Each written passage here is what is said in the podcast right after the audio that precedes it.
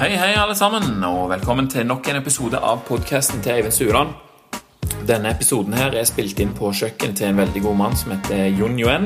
Det er mulig du har sett ham på Instagram eller Facebook, der han deler noen ganske heftige treningsfilmer og eh, innimellom noen veldig kloke ord, så kan kanskje få deg til å tenke litt. Hvis du ikke har den på feeden din, så anbefaler jeg at du søker den opp og får den på plass, så, så kanskje du får eh, solid utbytte av det, du òg.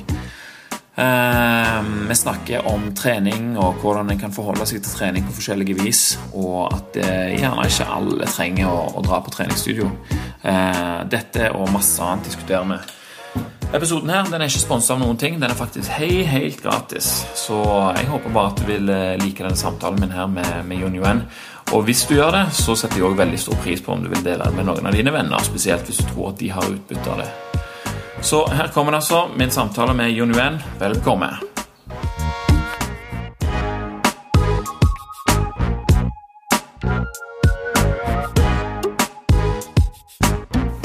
Velkommen til podkasten, Jon. Tusen hjertelig. Ja, Veldig kjekt at du vil sette deg ned og prate litt med meg når jeg eh, tilfeldigvis er i Oslo.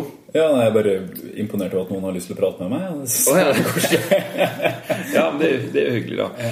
Eh, Jeg kjenner deg jo ikke sånn personlig, men eh, jeg har jo sett eh, ofte det, de tingene du legger ut på Facebook. Ja. Og det som jeg syns er fint med det, er at det er stort sett så er det eh, 100% forskjellig fra det som du ellers er på Facebook-feeden. Ja. Er du med på tanken? Ja, jeg ja. kan kanskje skjønne det. Ja, ja. Sånn som eksempel at du tar opp, eh, tar opp ting om eh, det som er liksom hverdagslige sannheter da, for, for mange folk. Eh, og når du kommer og sier din mening, så er det liksom akkurat som ah, Jeg kan slappe litt av. liksom, Det er andre folk der ute som, som eh, faktisk ikke bare tenker annerledes, men at de tør å si det sånn som du gjør rett i kamera, og legger det rett ut på, på Facebook på den måten. Det, det syns jeg er ganske tøft gjort. og det, det er ganske mange som ikke tør å gjøre det. Nei, tusen hjertelig. Det setter jeg veldig stor pris på. Det, um, jeg har jo ikke jobbet i treningsbransjen så altfor lenge. Det har vært rundt fire år. Og egentlig, altså de, de første årene så opererte jeg på samme måte som de fleste andre. Da gjelder det å promotere seg på en måte som gjør at man eh, faktisk eh, får solgt tjenesten sin. Um, men, men etter hvert så skjønner man at um, treningsbransjen har begynt å fokusere aller mest på de som behøver det minst. Og altså de tilbyr tjenestene sine i minst grad til de som trenger det mest. Så, og grunnen til det er jo at vi selger veldig komplekse løsninger på noe som egentlig er forferdelig enkelt. Um, ikke enkelt i den, den forstand at det nødvendigvis er enkelt å gjennomføre, men mye enklere med hensyn til hvor mye detaljer og kunnskap som behøver å ligge bak det. da. Ja, Hvor lett det er å forstå, rett og slett. Ja, altså det er um, vi, eh, vi prøver på en måte å finne opp hjulet på nytt igjen om igjen og om igjen nå. Uh, med den ene metoden og den ene effekten som er mer hellig eller mer spesiell enn den andre. Men, men eh, vi har klart oss veldig godt hittil altså når det kommer til helse. Ja. Og nå begynner vi å gi- prøve Nå fokuserer vi såpass mye på å gjøre dette her salgbart fordi folk trenger å tjene penger på det her. Og Ja, Det er jo flere og flere folk som jobber med det. ja, og da begynner vi å gjøre treningen til noe som er egentlig altfor lite hverdagslig. Det blir litt mer hellig. Og, og det som blir veldig trist da, det som er aller mest åpenbart, det er også det som blir aller mest undervurdert. Så det er jo det jeg ønsker å fokusere på. Disse her egentlig forferdelig åpenbare tingene, men som vi har en tendens til å glemme fordi at vi fokuserer så mye på hvordan man skal få en eller annen eh, underfundig, spesiell, hellig effekt. Mm. Istedenfor det å bare faktisk få vært i en prosess som er bærekraftig, og som faktisk funker. Både mentalt og fysisk og bare i hverdagen. Nettopp. nettopp. For det er jo blandingen av det mentale og det fysiske. Det er liksom, eh, det er liksom der det skjer. Ja. Når, når du kan sette pris på det du skal gjøre. At ikke du går på trening for at eh, dette må jeg gjøre fordi at jeg egentlig vil ha en sånn kropp til sommeren. Ja. At, eh, at du rett og slett kommer der og liksom føler en sånn ah, Yes, nå skal jeg gjøre dette her. Ja. Eh, det er liksom en litt annerledes uh, følelse enn den der jaget Ja. for at du skal gå på trening fordi at uh, kollegaen kanskje gjør det, eller sånne ting. da Ja, nei, altså det er veldig lett å, lett å på en måte um, ikke tenke over hva treningsbransjen eller treningssentrene egentlig er. Og det er ikke noe som er naturlig. Altså For vår del så har det blitt naturlig, for nå er det en del av det urbane landskapet. Altså I likhet med pumpkin spice latte og wifi, så finner du treningssentre overalt. Ja. Men så er det greit da å finne ut hva er det altså, Hvorfor har treningssenteret blitt populært, da? Og er det kunnskap? Ja. Er det det sosiale? Ja. Men det som det, grunnen til at det er aller, aller mest populært, er fordi at det er målbart. Så du, det du gjør inne på treningssenteret, det kan reduseres ned til et spørsmål om sekunder, meter, centimeter, kilo, kanskje liksom gram også. Og det er den måten du måler at du får en effekt. Så hver gang du, en person går inn på et treningssenter, så tenker de her skal jeg oppnå en effekt. Det som er veldig spennende da, hvis du går inn i hvilket som, i hvilket som helst annen type treningsmiljø, eller aktivitetsmiljø, går inn på en MMA-klubb, du går inn på en, eh, et judosenter, eller du går inn på en, en klat, klatreverket eksempel, eller bare en danseklubb. Hvis du går inn der, og så spør du en person, hva er effekten av det her? Så kommer du til å si, gøy. Jeg gjør det fordi jeg liker det. Og så går du inn på treningssenteret og så prøver du å få, den samme, eh, få samme svaret. Du vil kanskje noen ganger høre det ved at du sier sånn Nei, det er endorfinrus og det er treningsgleden. Men i bakhodet til de fleste så ligger det en tanke om at jeg er nå her fordi at jeg har blitt lovet en effekt. Og den effekten, den er målbar. Så man Det som er, det ofte ender opp med å skje, at man man lar seg motivere av mer, mer av denne effekten enn faktisk det du gjør. da. Mm, ja. Og så har du det i tillegg, da, hvis du, hvis du ender opp med å bli støttemedlem, så får du dårlig samvittighet, for du bruker faktisk penger på dette i tillegg. ja. Sånn, så hva slags spiral er det? Nei, det er jo Det som er fordelene ved treningssenter, er jo ofte det her som er ulempen. Og nummer én er jo kunnskapen. ikke sant? At det er, at det er mye kompetanse inne på treningssenteret. Det er det uten tvil. Men det finnes så mye forskjellig kunnskap, og den virker så utrolig kompleks. Og det er virkelig ikke kompleks. Det, det er det jeg prøver å Eller jeg ønsker å videreformidle. Trening er virkelig ikke vanskelig i det hele tatt. Men siden vi har gjort det så vanskelig, så har vi skapt en form for innlært hjelpeløshet. I den forstand at man tror at det er så komplekst at man tør nesten ikke å gjøre noe, for du er redd for å gjøre noe feil. Ja, Du må ha noen gode råd fra noen som vet hva de Ikke sant? snakker om. Og det er ganske lett å eh, virke som om du vet hva du snakker om. Mm, ja, ja, det er bare å bruke terminologi, det. Ja, ja, ja sant, veldig lett. Eh, for eh, jeg har, jeg har jo trent en del, jeg har vært eh, trener på et crossfit-senter og sånne ting. Og liksom av og til så må du gjøre sånne ting som du ikke liker så godt. Og så av at det er et konsept, kanskje, eller sånne ting. Og så ser du liksom at eh, disse folka her, de kunne hjelpe på en helt annen måte. Liksom bare å snakke litt annerledes. For jeg tenker jo at eh, vi går vi går og trener på treningssenter fordi at vi beveger oss på en måte som gjør at vi har så lite variasjon at vi må trene for å kompensere, egentlig, hvis vi skal ha et langt og, og helselig liv. da.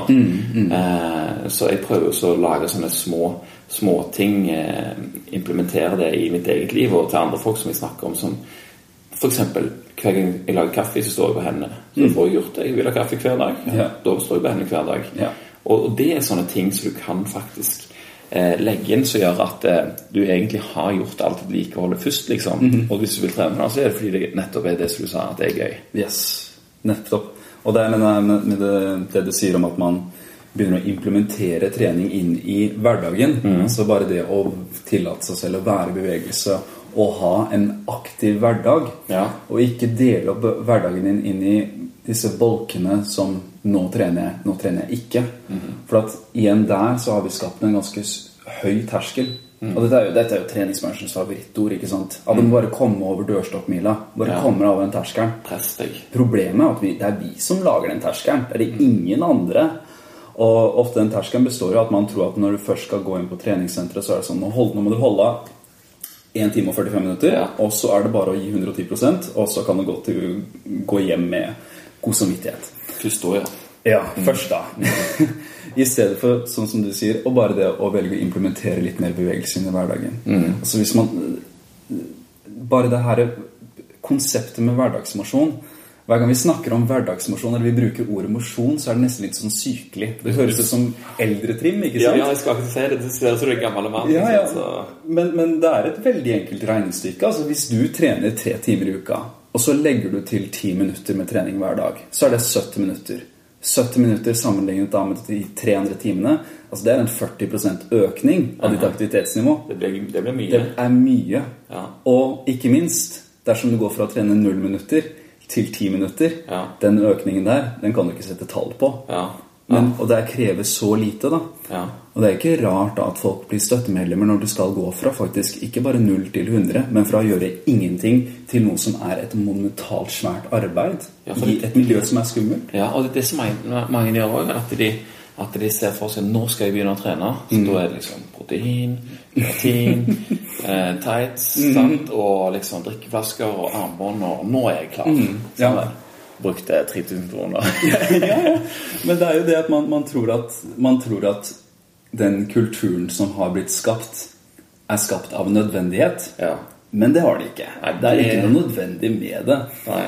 Um, kan godt være at det, det er kult. Det er kult, ja. Ja. Og det kan være Det, det er noe som kan ha en positiv effekt. Alt kan ha en positiv effekt. Men problemet er når du, når du er villig til å kjøpe effekten for den her, den her buy-in-pakken, da. Hvor du tror at nå trenger jeg proteinpulver, nå trenger jeg kosttilskudd, nå trenger jeg en personlig trener som har ti års erfaring, nå trenger jeg f.eks. denne tightsen her for å kunne trene. Istedenfor å bare faktisk starte enten i din egen bakgård, din egen bakgate eller din egen stue, og bare starte å røre på deg bitte, bitte litt. Ja. Og det, det er så veldig mye mer effektivt enn det folk flest tror. Så jeg har faktisk et prosjekt nå. Jeg har ikke trent inne på treningssenteret på tre måneder nå. Ja. Eh, Jeg får aldri lov til å trene mer. Og det, jeg vet det ikke er sånn altfor bra å sette stor restriksjon på seg selv, men Altså, du har ikke lov deg sjøl? ja, jo, jeg har, jeg har lovet meg selv. Så at jeg, ba, jeg får i maks lov til å trene 30 minutter i gangen, som gjør at jeg har flere økter. Noe som gjør at jeg på en måte får det til å passe litt mer inn med hverdagen min. Ja. Og en annen ting, jeg har ikke lov til å trene i noe annet enn jeans. In jeans, ja. I jeans. Ja, vel, ja. Eh, jeg har fått en del kommentarer på det. Da. Hvorfor har du alltid på deg skinny jeansen når du tar disse greiene dine? Og det er, det er hovedsakelig for at jeg vil bare For det første jeg, Noen ganger så gidder jeg bare ikke å skifte. Noen, for det andre så er det bare for å vise du trenger ikke det her, de her tingene.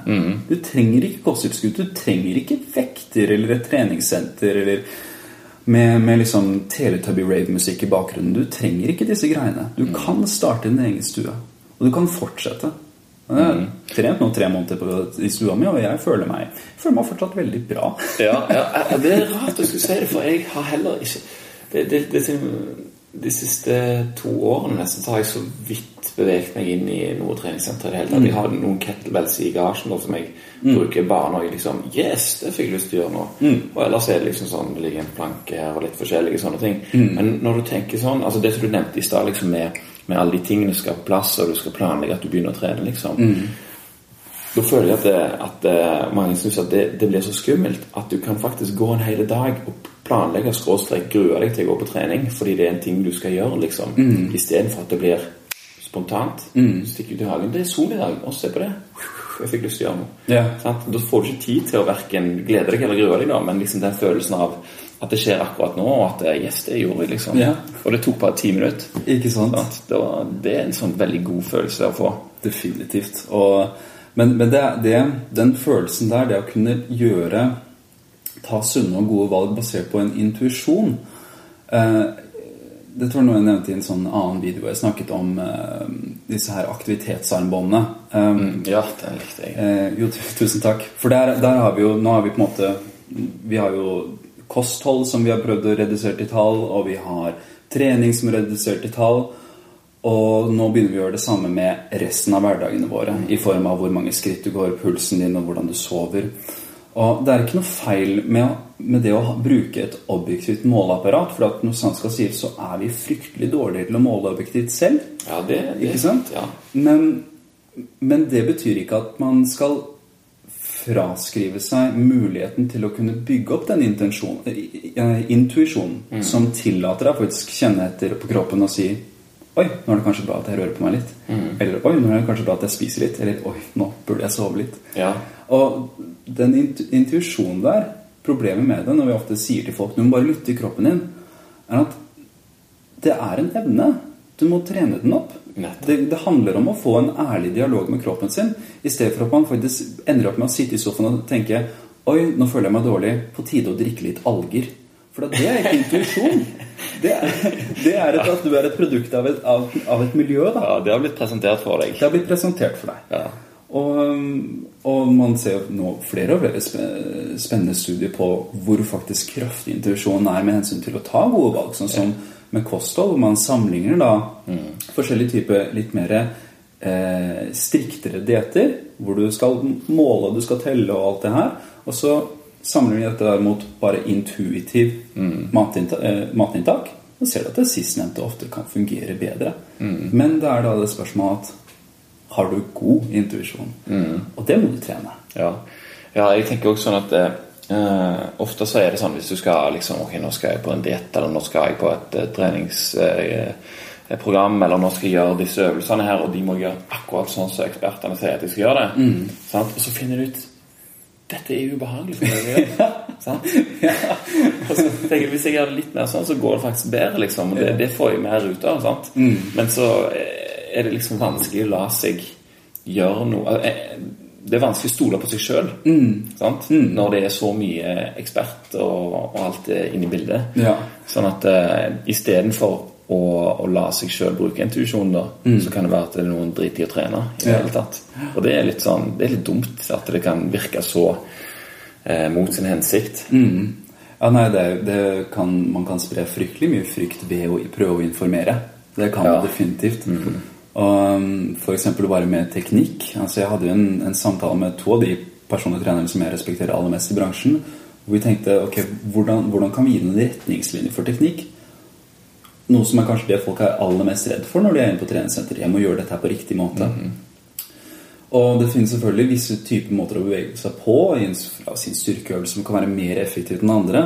Men når det kommer over til hva som er farlig, så er det så få ting. For at det handler mye mer om ikke at du skal gjøre la oss si, en knebøy eller en benkepress akkurat på den måten, men du må gjøre det på den måten som passer deg. Eh, og det er det som er problemet, at frykten for da å prøve å teste selv gjør at man mest sannsynlig ikke vil finne en god teknikk. For at det må testes. Ja, Og det må gjøres mange ganger med, med variasjoner, sånn at du kan få samla den der eh, Yes. intuisjonen der. Ja. Og det er, det er ting som tar tid, det. Og, og, og det er jo lettest å gjøre det hvis du, hvis du har glede med det du holder på med. Mm. tenker jeg for deg. Ja, ja men det, definitivt. Problemet med gleden er at gleden lar seg stoppe av to ting. Og det ene er jo frykten for at man skal gjøre noe feil, eller at man ikke skal få noe til. Og så er det selvfølgelig kontrollbehovet vårt. Og når det kommer til de fleste liksom, biologiske organismer, og prøve å se for seg Eller prøve å stadfeste hvordan biologiske organismer kommer til å reagere på et stimuli, om enn det er trening eller mat eller det ene eller andre. Det å si at du må gjøre det på denne måten her, for det er det som stemmer, det er Det er en spådom. På det beste er det en spådom, på det verste så er det en illusjon, og på det aller, aller beste så kan det være en god spekulasjon. Men tingen er at du må teste ut. Ja. Du kommer mest sannsynlig aldri til å finne deg en diett eller et treningsprogram som passer deg perfekt, før det har blitt testet på deg nok til at man kan tilpasse det sånn at det blir perfekt. Ja. Og så det jo når du, når du liksom har én teknikk Mhm. dette, er sånn, Det er sånn du skal gjøre det. det. Da sier du samtidig at alt annet er feil. Ja. Ja. Ja. Og da blir det liksom veldig sånn Veldig snevert Mm. egentlig hva du tør å begi deg ut på. Eller, Nå snakker jo om liksom hvordan det kan være for folk generelt å, å begynne med disse tingene. Ja. Og det, det er jo også noe jeg har prøvd å gjøre via disse her små snuttene jeg legger på nettet, er jo det å gjøre så mange feil jeg kan. Tekniske feil. Det vil si at jeg gjør ting som man får høre at man ikke får lov til å gjøre. Eh, og mange som tar kontakt med meg, de tror at man må trene på denne måten fordi det er noe magisk ved det.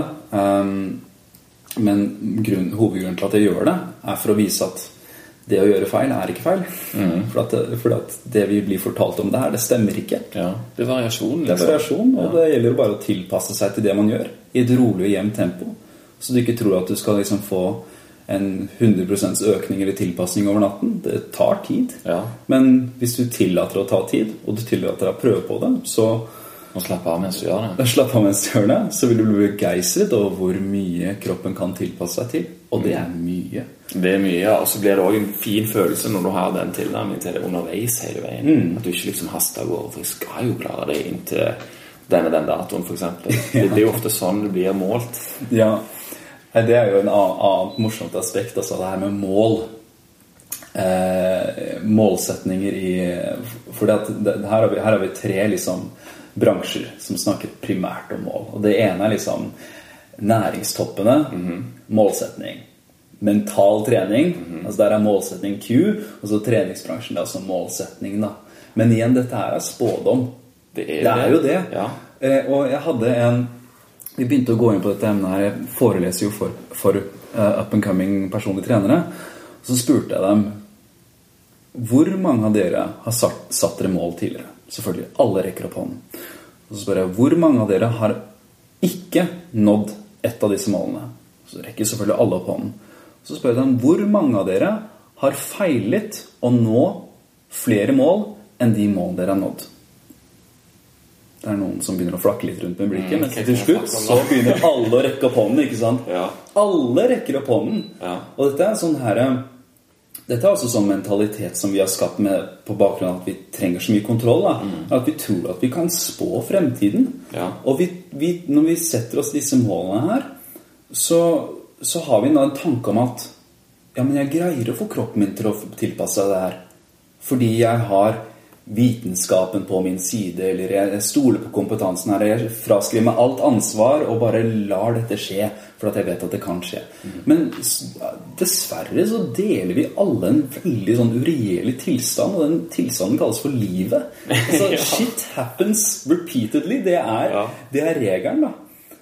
Og og det har litt med mentaliteten at vi, vi har et så stort behov for å se for et sted vi skal komme, istedenfor å se på hva vi gjør. Vi har et så stort behov for å se på effekten av det vi gjør, i stedet for om vi i det hele tatt liker det, om vi kan få det til å passe til hverdagene våre. Så målene, målene våre har jo ikke noe med det vi gjør lenger. Det vi gjør, det er bare for å nå det målet. Ja. Men et mye bedre mål da, for å se av sin person som sier 'jeg skal nå målvekten min'. Ingen har en målvekt. Det er nummer én. Nummer to I stedet for da å si 'jeg skal gå ned åtte kilo til den datoen', hvorfor kan du ikke bare si i stedet 'jeg skal være i 20-30 minutters aktivitet hver dag', og jeg skal la to av mine tre måltider, eller fire, bestå av en tredjedel med grønnsaker. Hvorfor kan ikke det være målet? Hvorfor kan ikke prosessen og det å faktisk få den til å funke for deg, være målet, i stedet for å tenke på at du skal nå noe du ikke engang vet du kommer til å like når du først når det? Ja, ja, for, ja, for hva skal du gjøre når du må nå det? Hva i all Går du ferdig med å trene, liksom? Ja, ja. Oi, det var en lærerik opplevelse. Nå glemmer vi alt det vi har gjort, og så går vi over på et nytt mål. ikke sant? Ja, nettopp. Så for Da kommer du inn på det, det samme igjen. Eh, liksom, Hva er da hensikten med å sette mål? I utgangspunktet så er jo ideen at det skal være noe som driver deg, og som liksom, yes, kjemper deg framover. Sånn som det. Mm. Men hvis det ender opp med å skuffe deg flere ganger enn det faktisk deg den oppturen, så, Ja. så blir det jo litt, eh, litt unødvendig, egentlig. Og, og akkurat det som du sier med at det, det er liksom langs veien, det er jo det det skjer. Sant? Og vi er på vei hele tida, helt til vi dør. Mm. Yes. er vi egentlig det. Yes. Det er ikke til, til sommeren, til sommerkroppen og, og sånne Mm. ting. Det er liksom hele veien. Og jeg har begynt jo en alder av 30 år, og allerede da planlegger min alderdom egentlig med å legge inn sånne småting, Mm. sånn at jeg vet at dette kan, dette kan jeg gjøre resten av livet. Det er ikke noe stress, det. Ja.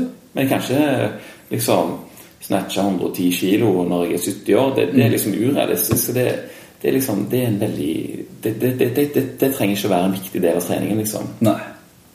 Nei.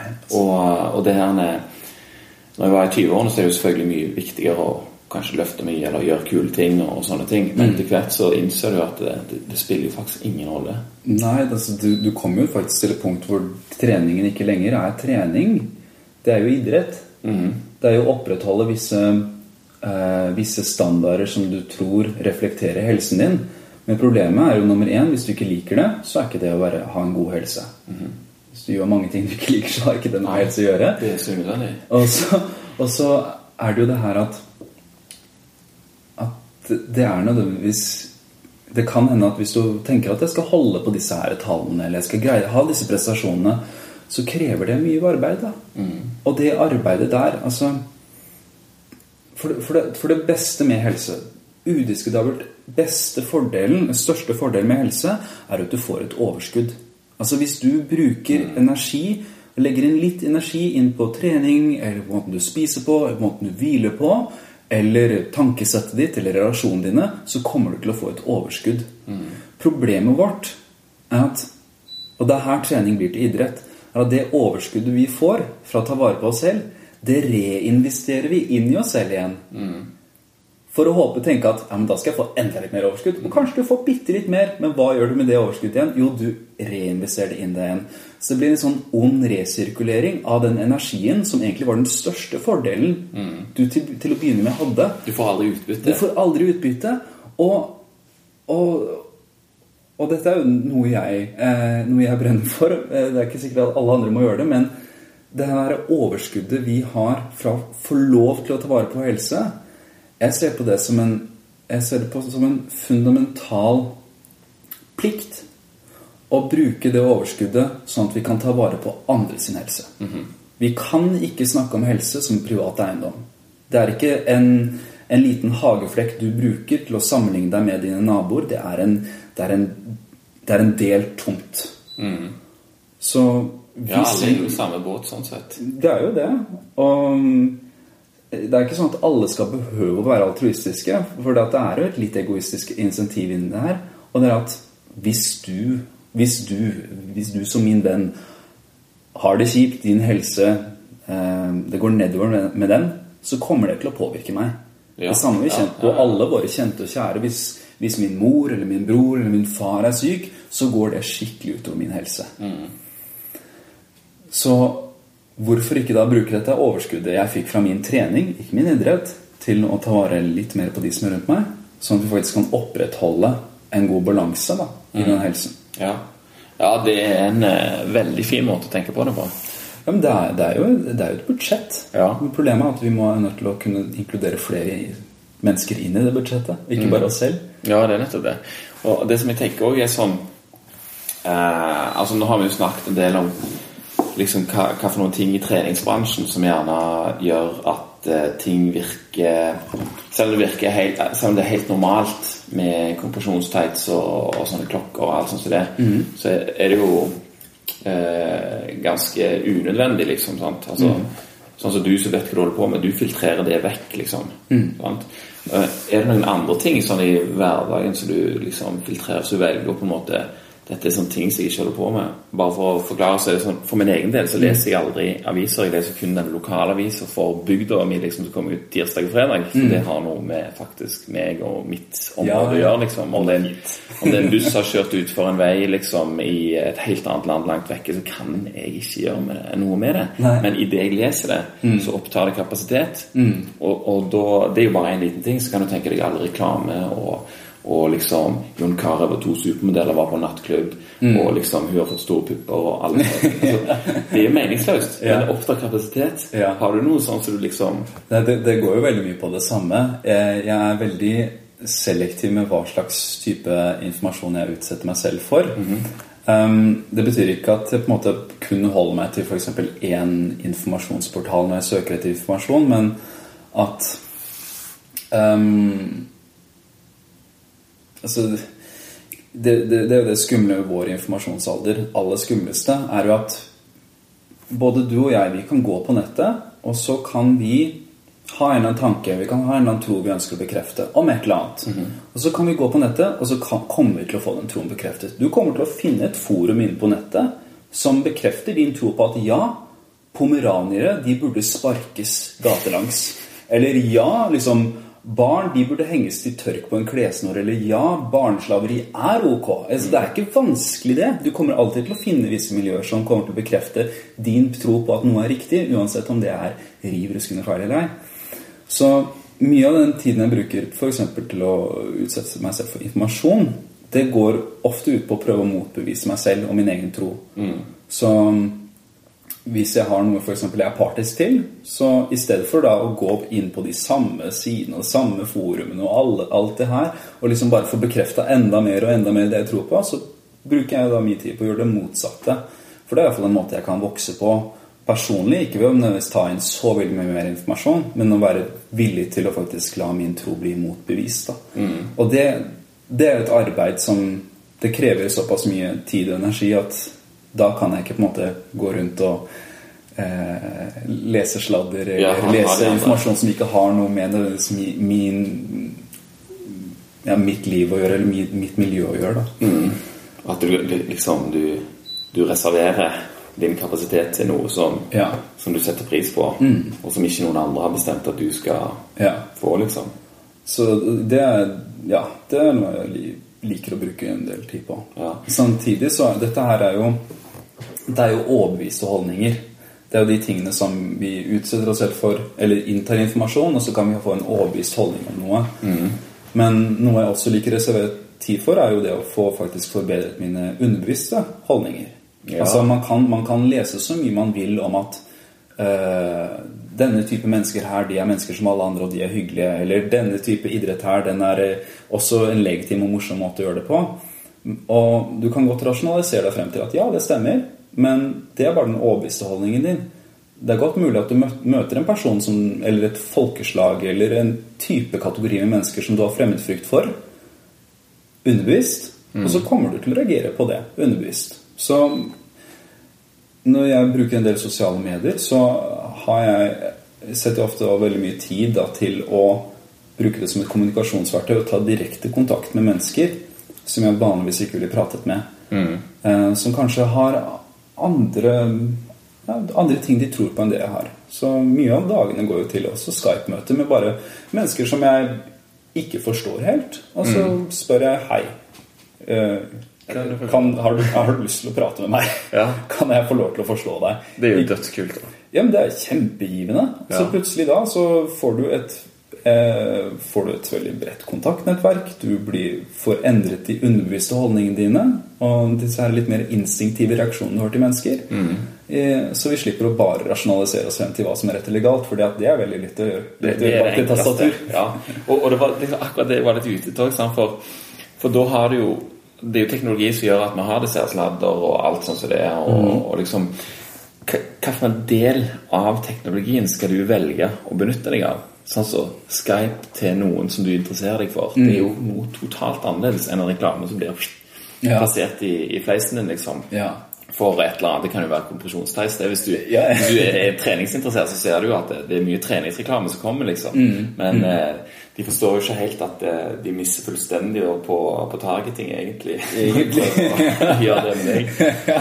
Nei, eh, man kan bli utsatt for Det er fryktelig Så noen ganger så bare blir du redd for at Tar de meg på kornet nå? Ja. Så vet de, vet de at jeg har behov for den her pre-workouten som heter Beast Mode 2000. Så eh, har jeg gjort noe feil? Ja. Nei, det, er jo bare det å være litt, litt selektiv og Nysgjerrig. nysgjerrig, ikke minst. Um, alt er spennende. Alt er spennende så sant man tør å sette seg inn i det. Ehm, det man må vite, er at det bare krever litt fra en. Så man må finne ut hva er, hva er uttaket mitt. Hvilke aktiviteter er det jeg har som i løpet av dagen enten er stressende eller avstressende. Og det er ikke sånn at alle aktiviteter som er stressende, er dårlige. Det finnes mange bra stressende aktiviteter. Men dersom du merker at du har en stressende aktivitet som ikke gir deg noe, så kan det være lurt å finne ut hvordan kan du eventuelt fjerne det stressmomentet fra hverdagen, sånn at du faktisk har energi til å tillate deg å være nysgjerrig. Ja. Tillate deg å være lidenskapelig spent for noe. Ja. Spent over noe. Mm. Og det, det Ofte så kan jo den tingen være faktisk jobben din. Mm. Det er jo et ganske stort problem. Ja. Fordi folk føler at de må ha en, en jobb. Og det, det må du jo selvfølgelig. Mm. Men de føler at de må ha den jobben for at de vil kanskje ha en annen jobb senere. Eller Ja. altså, de er på et spor, liksom. Ja. Sånn, Akkurat sånn som du sa med, med det å sette seg mål og sånt, det kan være farlig fordi Ja. Mm. at det virker mot seg sjøl. Og, eh, og når du da eh, snakker om at du vil konfrontere dine underbevisste eh, holdninger, Mm. så vil jo det si at hvis du har et mål her, da, og du er på vei, og Mm. så plutselig så får du en annen holdning til noe som du ikke planla, skal Mm. du fremdeles sikte mot det samme målet? Eller skal du endre det, liksom? Mm. Og, og liksom flyte av gårde med det, med det nye som du har opplevd, liksom, og utforske det videre? Ja. Det er det, det som jeg syns er veldig spennende å tenke på, da, med alle ting, altså jobb eller fritid, eller Ja. hva du ser på TV, kan det være til og med. Ja, Helt klart. Man får jo sånn her, et inntrykk av at du skal ha visse stepping stones mot et endelig mål. Og kanskje hver eneste stepping stone er et mål. Men, men kjernen bak det å ha en, et fleksibelt tankesett og en fleksibel hverdag ligger jo faktisk det å kunne se på hvor du faktisk er, hva dine preferanser er, og hvordan du kan bygge videre på det. Istedenfor å bare vente på at alt skal løse seg ved at du når dette ene målet eller det ene liksom, stasjonen. For det var det jo noen som gjorde. Ja, ja, ja. Det så veldig bra ut. Ja. Det er jo den her moderne tankegangen også med eh, eh, Og det er, noe vi, det er sånn hot topic også nå. Sånn, du må finne lidenskapen din. Ja. Du må finne lidenskapen din. Grunnen til at du ikke har det bra nå, grunnen til at hverdagen er tung og kaotiske, det er for at det du gjør, det har du blitt lurt til å gjøre, og du har bare ikke funnet lidenskapen din. Problemet med det igjen at det blir akkurat som det her med mål. Du tror at med en gang jeg når det, med en gang jeg finner lidenskapen min, så løsner alt seg. Proble- problemet med det igjen er at du får ikke brukt energien din eller det du bruker energien din på, er å stresse over Å, gud, hvor er lidenskapen min? Stressmoment. I stedet for å faktisk bruke energien din på å være lidenskapelig. Ja. Fordi alt kan være spennende. Du vet ikke om du liker det før du har prøvd eller ei. Men uansett hva du gjør, se til at du har faktisk en, en fysisk og mental reserve, et reservelager av energi som gjør at du kan være lidenskapelig. ja. Istedenfor å tenke 'jeg må finne den'. For det, Det må gjøre etter jobb, og jeg er så stressa på jobb. Jeg vet ikke om jeg har tid til å gjøre det da engang. Så kom igjen og se har du brukt opp alle dine beslutninger og alle dine avgjørelser på den dagen, og da er du Det er ikke noe mer igjen. Du må restituere, rett og slett. ja. Så, så sånn tror jeg at det er ganske mange som har det. Og det som er, er så kult, er når du ser en sånn som deg, eksempel, det ser ikke ut som du eh, er på jobb når du holder på med noe. For eksempel, sant? altså, det ser ut som du gjør noe som du digger, liksom, og tilfeldigvis er det jobben din. liksom sant? Er du med på tanken? Det er sånn jeg føler det for meg sjøl. Ja, ja. Jeg flytta inn i ei lita bygd der så kona mi er fra nå, og så, og så jobber jeg i svømmehallen som badevakt. ja. Det er så superchill. Og så har jeg så liten stilling at eh, jeg er der ikke så ofte. Så jeg gleder meg til hver gang jeg kommer der. Og det er jo egentlig en sånn jobb som kanskje mange hadde sett ned på. og sånt liksom. Men eh, da kommer jo den kunsten å gi, i gi faen inn i bildet. sant? Altså, Så lenge du har det liksom digg med deg sjøl og Yes, jeg kan ta badstue når jeg er ferdig på jobb i dag. Det setter jeg utrolig stor pris på.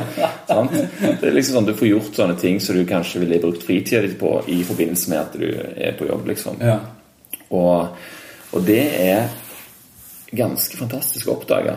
Det, det er det. Og, men det, det som er så morsomt med det, er jo at det for min del er, er en del av helsebegrepet. Akkurat den innstillingen der. For at sånn, når vi som oftest prater, prater om helse, så snakker vi om trening, kosthold og hvile.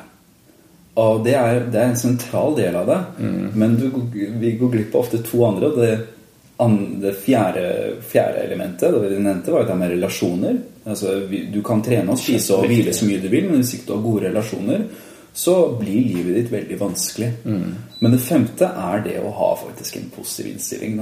Ja. Og den positive innstillingen den kan kort oppsummeres. Altså, vi har jo fryktelig mange psykologiblogger på topp 10 tips på hvordan du skal få det bedre nå. Men, men det kan kort oppsummeres med en takknemlighet. Da.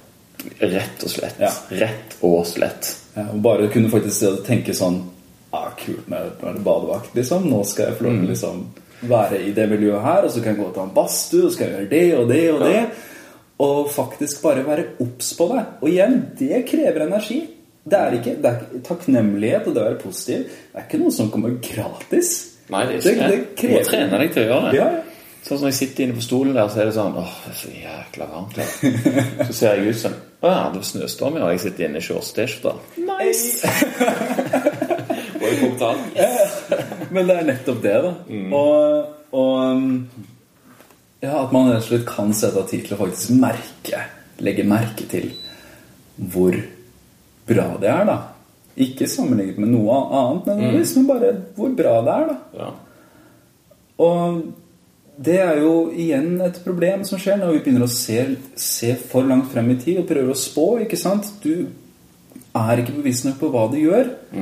For du tenker bare 'jeg må finne lidenskapen min', 'jeg må nå, må, nå det målet mitt', 'jeg må finne idealvekten min', eller ene eller andre, 'jeg må løfte så og så mye', 'jeg må spise det og det og det'. Du ser ikke på hva du gjør. Du har ikke nok overskudd til å faktisk kunne være takknemlig for det. akkurat nå. Men du kan planlegge å bli takknemlig når du har gjort et eller annet. Yes. Det, det er jo mange som gjør det òg. At liksom, jeg skal bli takknemlig når jeg har gjort det. liksom. Men så når du kommer der, da har du egentlig brukt opp takknemligheten på noe som ikke fantes. Istedenfor å bruke det på akkurat For det er jo bare her og nå som teller, egentlig. Sant? Altså, Alt kan jo forandre seg i framtida, og fortida er jo fortid. Ja, ja, ja. Sant? Så altså, den òg er litt sånn interessant å tenke litt på. Eh, jeg skal belønne meg sjøl. Jeg skal, jeg skal eksempel Å, jeg skal lage meg noe digg til, til middag er egentlig sulten om jeg skal bare gjøre dette her først. Sant? Ja. Så gjør du det mens du tenker på det du skal gjøre etterpå. Ja. Og da- blir det ikke Du kan- kan ikke nyte det på akkurat samme måten. Så hvis du liksom gjør det med en gang du får tanken Ja. Nå skal jeg gjøre dette her, og det skal jeg bare gjøre fordi at det, det Ja. er det jeg vil gjøre. Da kan du bli ganske takknemlig. Definitivt. Ja, helt klart. Det, men det, det krever sitt. Det gjør det. Altså det, det, det koster noe fra en. Ja. Man må liksom gå vekk fra tørre å motstå fristelsen av å betrakte noe som negativt eller strevsomt eller slitsomt eller unødvendig. Og den, den, den negativiteten der um, For det første så er det, det er litt sånn urettferdig å kalle det som måten vi tenker på med negative tanker, som negative. De er jo ikke det. Det eneste det er, er jo kaloribesparende. Det er mye mer kaloribesparende å være negativ. Det er kjempe- ja, ja. Altså selvfølgelig sånn, Det tar jo på i lengden. Ja. Men det å kunne For det, alt det handler om, er å fraskrive seg ansvar. det er så lett å Ja. liksom pst. Du kan dytte det over på en annen ting, en annen situasjon eller en annen person. Og det vil være kaloribesparende. Og nå fri. Ja, ja. Plutselig. Yes. For at du bare tar deg selv ut av den ligningen.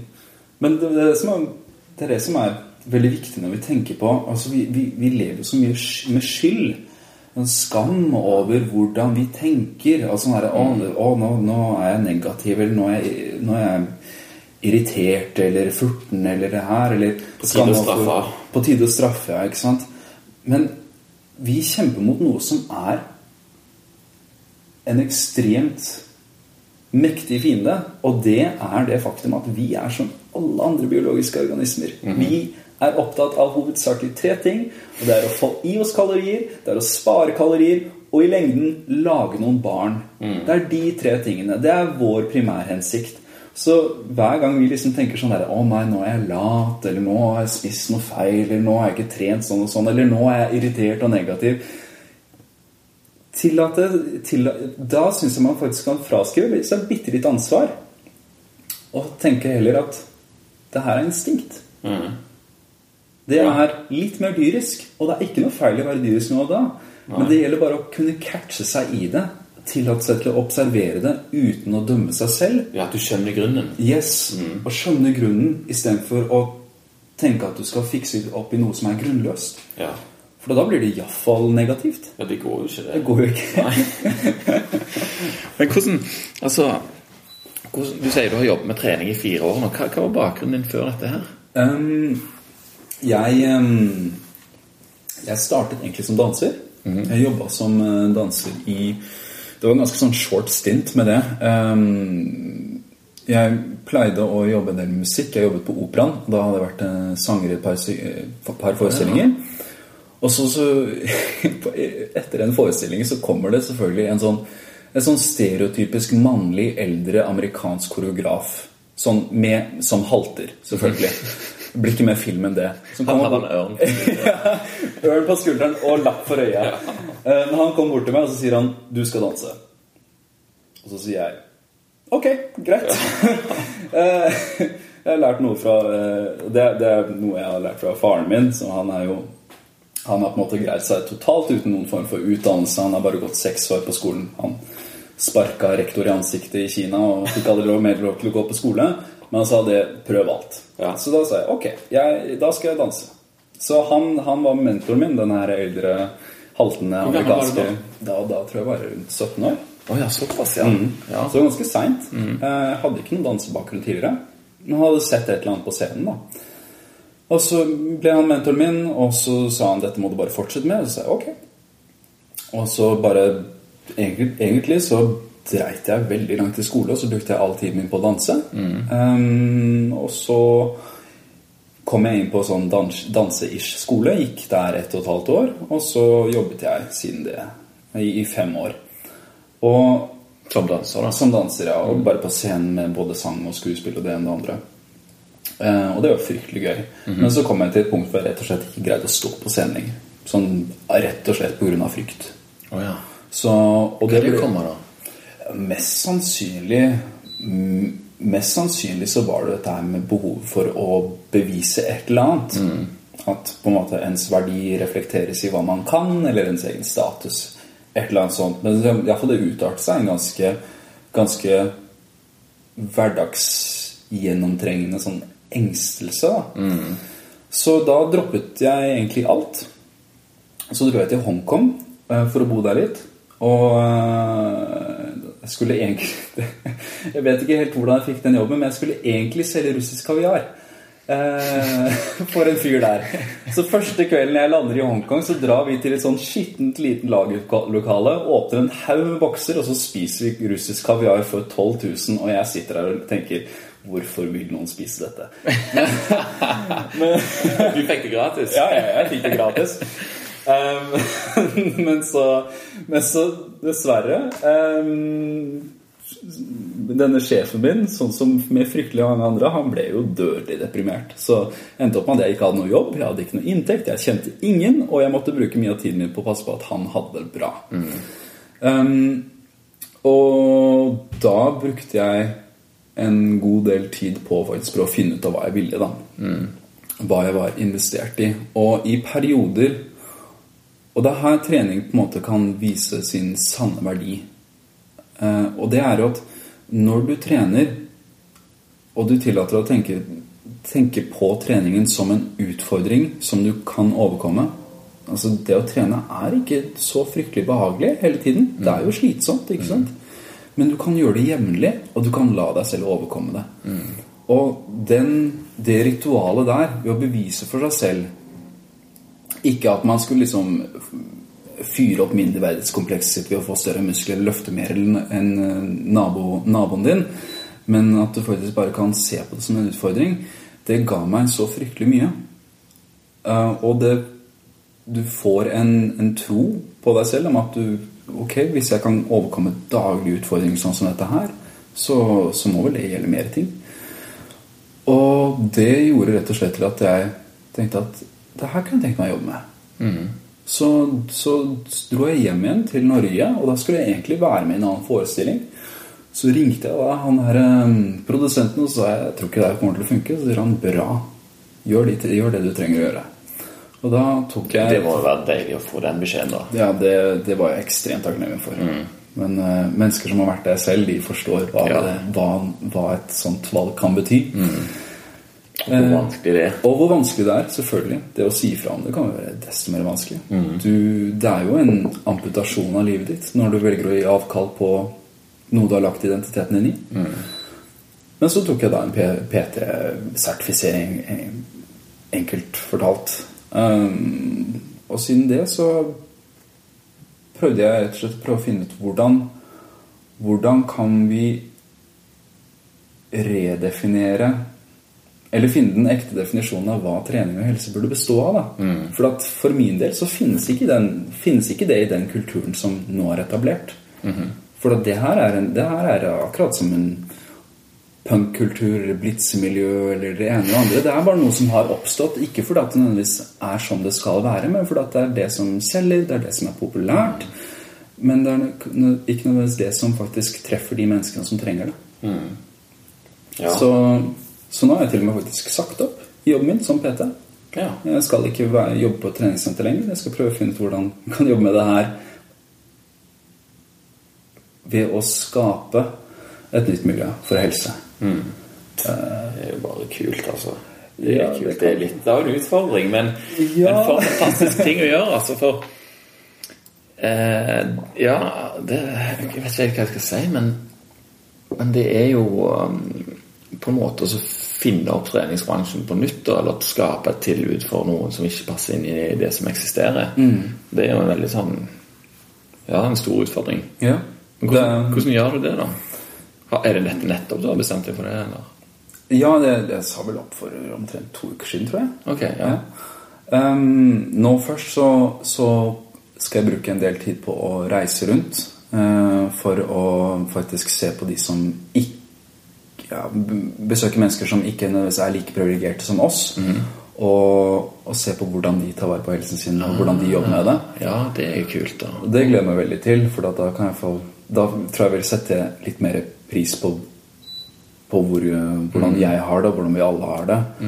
Um, men det miljøet som jeg ønsker å skape, eller jeg ønsker å være en del av heller, det, det er en utfordring. For at det, det miljøet De menneskene som ikke er i det treningsmiljøet som eksisterer, de syns en av tre ting. De syns enten treningssenteret eller treningskulturen er skummel, noe jeg forstår helhjertet. Det er kjempeskummelt.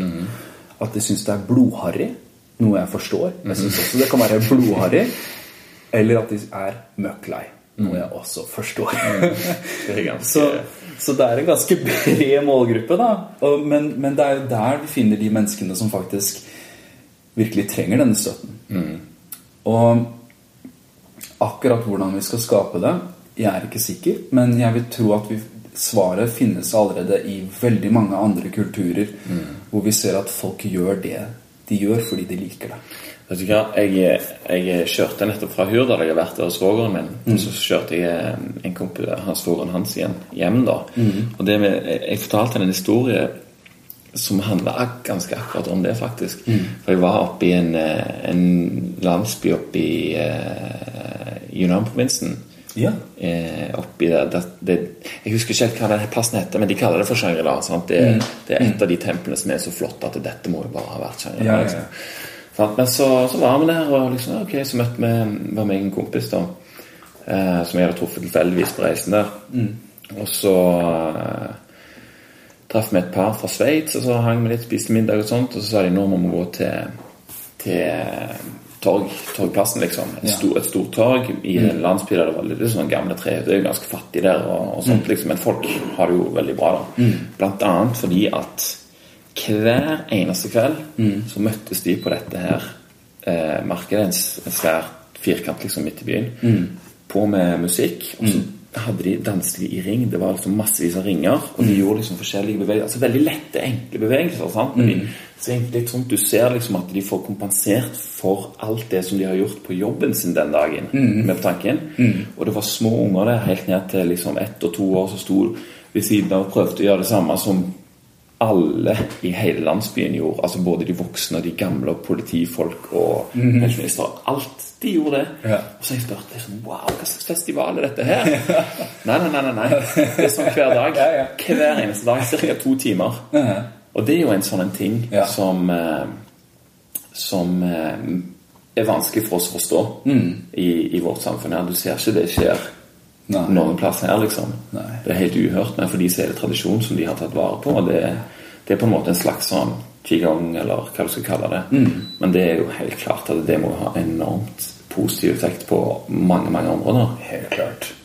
Og det er bare det Så at relasjon til hele landsbyen Ja. hver dag. Ja. Sant? Ja, men det er bare det at det ligger en, en tradisjon i grunn for det, Ja. som ikke um, Så vi lever jo i en tid hvor det er litt sånn neorenessanse, hvor vi skal, alle skal prøve å, å finne opp seg selv og fokusere veldig mye på vår egen individualitet.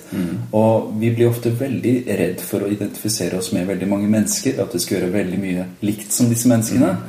Men det er jo nettopp det at det er en, det er en kollektiv greie som skjer. da at man faktisk har en tradisjon for det, det er et ritual inni der. Ritualer er veldig effektive. Ja, sånn at det ikke Det er lett å gjøre det. Altså, ja, sant, men, men det blir en sånn vane, sant. At det gjør du. Og når du gjør en ting som gir deg så mye positivitet, og du gjør den uten at du anstrenger deg, uten at du må planlegge deg eller grue- til det, så blir det en fantastisk ting, altså. Ja, ja helt klart. Det, er en, det er en veldig fin tradisjon for, for helse i hvert fall i ikke de, nødvendigvis de største byene i Kina, men i de mindre. Ja. Så ser du at dette skjer Igjen og igjen og igjen. Og det, det er jo bare å gå i hvilken som helst type park i et asiatisk land. Nettopp. Så finner du jo mennesker som faktisk Hver gang de gjør noe, så er det Så er det fysisk aktivitet, og så gjør de det sammen. Alltid sammen. Yes. Og det handler veldig lite om da at man skal brife eller at man skal vise, vise frem Se hva jeg kan, men nå gjør vi dette for alle sin del. Mm, det er akkurat det. Og det, det er jo en annen ting òg i, i Kina, f.eks. Jeg bodde i en by som heter Wuxi ut forbi Shanghai i en seksmånedersperiode for Det er faktisk ti år siden. Jesus. Uansett, da. Så kom Var det motorvei der? ja, ja, det, var, det var en relativt liten by, men det, er det vil jo si sånn fem-seks millioner folk. da Men i alle fall fantastiske parker. der Jeg tenkte nå skal jeg gå i parken og lese litt. liksom Digg. Kommer jeg til parken Gamle folk overalt. De spiller sjakk, de drikker te, de eh, spiller musikk, de lager skuespill, de trener, de mediterer, de driver med så mange forskjellige ting. Og du ser at de er der hver dag, og at eh, de, de virkelig koser seg. Liksom. De har mange venner, et stort nettverk. Ja. Og, og det som er òg så vilt med de her, er at når de skal hjem, så drar de hjem til ungene sine. For de bor der. Yes. De bor samme huset som ungene sine. yes. Og eh, for oss i Norge så er jo det helt fjernt. Ja, for ingen Ingen av våre foreldre skal vel belaste oss når de er gamle og trenger hjelp. Nettopp. Men hvor godt hadde de ikke hatt av det? Sant? Men det er, jo, det er jo igjen det her med at At vi, vi Det å leve i overskudd, eller overflod, som vi gjør vi, Igjen, dette er noe som ofte er sånn skambelagt. Vi tenker oss sånn her, ja, men vi har jo så mye, hvorfor gir vi ikke mer? Og vi har det så godt å tenke på alle de stakkars sultne barna i liksom eh, Burma. Men, men tingen er at overflod og overskudd det tærer veldig mye på. Det, det burde ikke, vi, det for, vi fortjener ikke å gjøre det til noe skambelagt, for det sliter veldig mye på oss. For vi, jo mer, jo mer ressurser du har, jo mer energi prøver du å finne ut hvordan skal jeg anvende det, hvordan skal jeg investere det. Og til slutt så, til slutt så av denne investeringen at vi prøver å forme oss selv og komme til et eller annet mål hvor vi tror vi skal være lykkelige, så har vi ikke noe mer energi igjen. Da får vi ikke brukt det på de for foreldrene våre som trenger det. Mm, ja, ja. Så Nei, det er morsomt å nevne om Kina, for at en av, en av en mine En annen av mine mentorer Det er eh, tanten min. Hun har levd et fantastisk uselvisk liv. Em, faren min vokste opp i en mindre fiskelandsby i Kina. Og under kulturrevolusjonen så bodde jo han der med sine Hvor var den i Eh, Det ligger i en provins som heter En øygruppe som heter Josan. Og så er det en liten fiskelandsby. Liten, fire millioner. Ja. Landsby, ja. Men der bodde han da med eh, Hvor mange er det nå? Én, to, tre, fire eh, Fem Det var seks søsken. Under da en tid hvor ettbarnspolitikken skulle råde. Mm -hmm. um, både farmor og farfar de døde jo av kreft begge to, så da hadde de ikke noe igjen. De hadde ingen inntekt. Men da var det tanten min som, som på en måte tok vare på familien. Hun har på en måte blitt, blitt min bestemor da, og deres mor. Og, tok, og har levd et helt eh, et, et virkelig altruistisk liv da, for å hjelpe det, sine småsøsken. Men um, vi har et hus fortsatt i denne byen. Um, fantastisk sånn eh, hus som er omringet av sånn svær murvegg. Det betyr ikke at folk ikke er velkomne, men det er en stenhage inni der. Og En små, liksom. ja, liten oase og noen gullfisker der. Og, og noen sånne svære barbells laget av stein. Ja, det er feng shui, Fantastisk. altså. Ja, det er feng shui. Det er Flintstones og feng shui. Ja. Men jeg husker en gang, da var jeg, da var jeg ganske ung. Og vi har et, et område, vi, eller en del av denne eiendommen som heter Månepaviljongen. Hvor man skal gå opp og sitte på månen. Som liten unge så går man selvfølgelig ikke opp dit for å sitte på månen, for at man har veldig mange andre ting man har lyst til å distrahere seg med.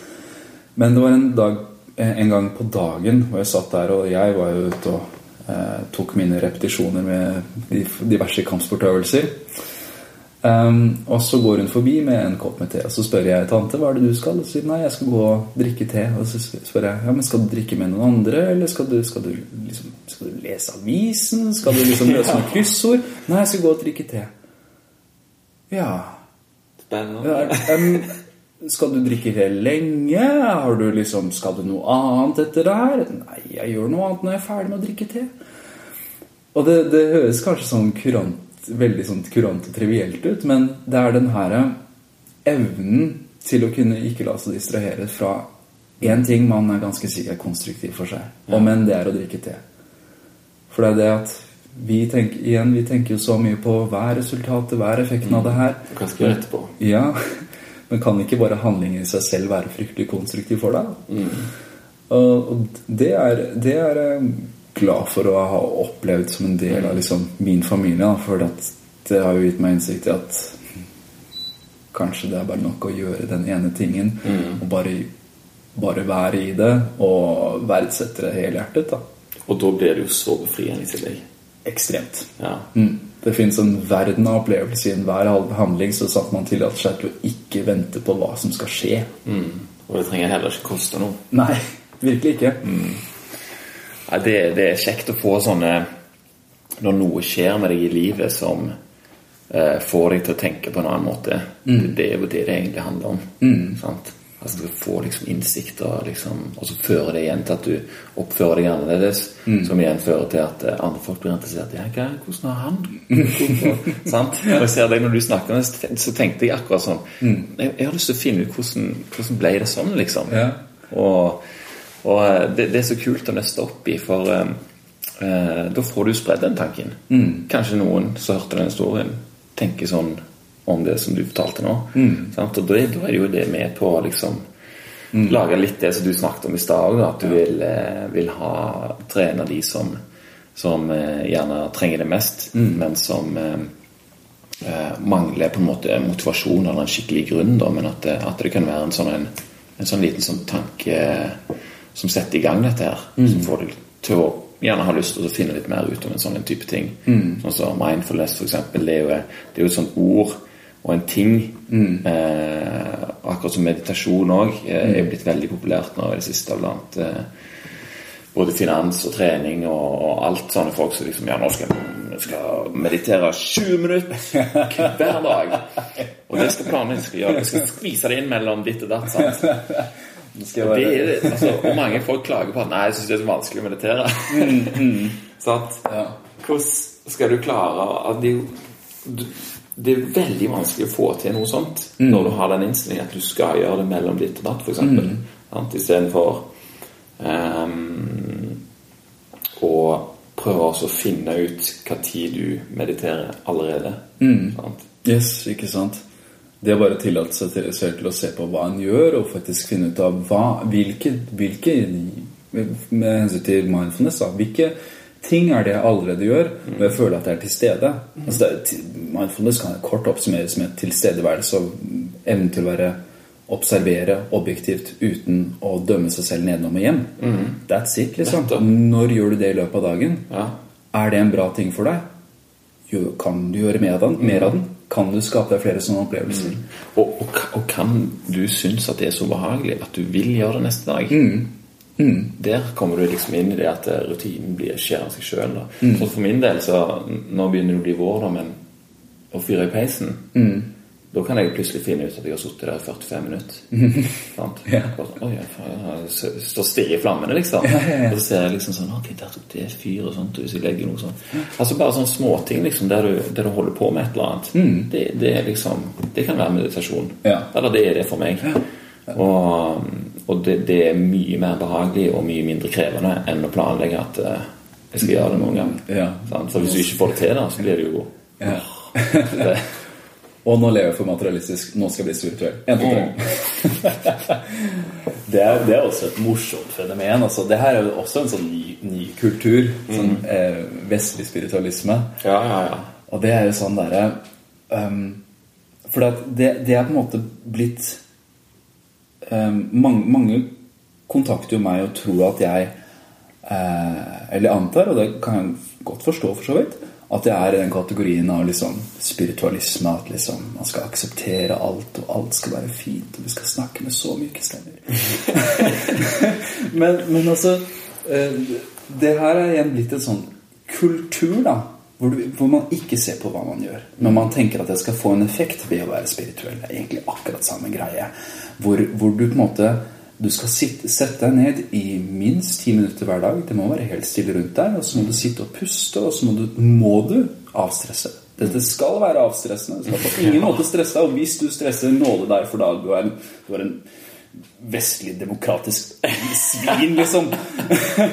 men, men, uh, men det um, Jeg kommer jo fra en familie som er opptatt av, av spiritualisme. Ja. Men i den kinesiske spiritualisme så handler det virkelig ikke om at du skal akseptere alt. Hvorfor i all verden skal du gjøre det? Skal du liksom tillate deg til å sitte der og kjenne og føle på alt uten å foreta en handling som er til gode for deg og dine, de menneskene rundt deg? Mm. Hvis, hvis, og det, det, er jo det som skjer ofte i en sånn eh, spiritualisme, og du kan se på mange sånn populære yogaprofiler og sånt også. Du, du forhøyer deg selv, egentlig. Du ekskluderer deg selv fra verden ved å være så aksepterende at ingenting kan røre deg. Mm. Hvis ingenting kan røre deg, og du velger å gå på en retreat Det er verste ordet i hele verden. Yoga-retreat. Hva er det du rømmer fra? så har du jo mistet samhandlingen den ekte samhandlingen med hverdagen din. Og det er å kunne si Oi, det her er crap. Det her suger. Det her skal jeg ikke gjøre. Mm. Eller Oi, det her liker jeg. La meg gjøre det. Mm. Istedenfor at alt er regnbuer og, og enhjørningsstøv. Mm. Stort sett enhjørningsstøv. Eh, primært. primært. Såpass når det overalt. så, så ordner det seg. Ja. Det, det, er mye sånt eh, det, det, er morsomt at du sier det sånn at eh, liksom den vestlige verden har liksom tatt til seg spiritualisme nå, mm. og lagd det igjen målbart. Mm. Og de samme tingene som vi snakket om om trening, liksom, at det skal være noe sånn mm. prestasjon liksom, å få det mm. til, istedenfor å bare Ja, du tror at du må få deg et av disse statussymbolene som tilhører den kulturen. Mm. Men det er jo det, det, å kunne, det å kunne ha respekt for sin egen hverdag, er jo å se altså Hvis du har lyst til å være en kultur, for all del men det handler om å se på hvordan du kultiverer din egen hverdag. Mm. Altså, behøver du å gå med de buksene fordi at den personen eller de fleste personer i denne kulturen bruker den buksen. Må du tenke på den måten? Må du si hashtag namaste? Må du si hashtag be small? Må du si hashtag liksom, kjærlighet til alt? Må du liksom si go hard or go home? Må du dette? Nei. Det er, jo, det, er jo, det, er jo, altså det er jo, Selv om det ene kanskje virker veldig mildt og veldig kjærlig, og det andre virker veldig røft og veldig liksom eh, maskulint, ja. så er det jo fortsatt en del av samme konsept. Og det er at du tror at Det er ikke at man tror at man må ha et statussymbol for å bevise sin verdi. Mm.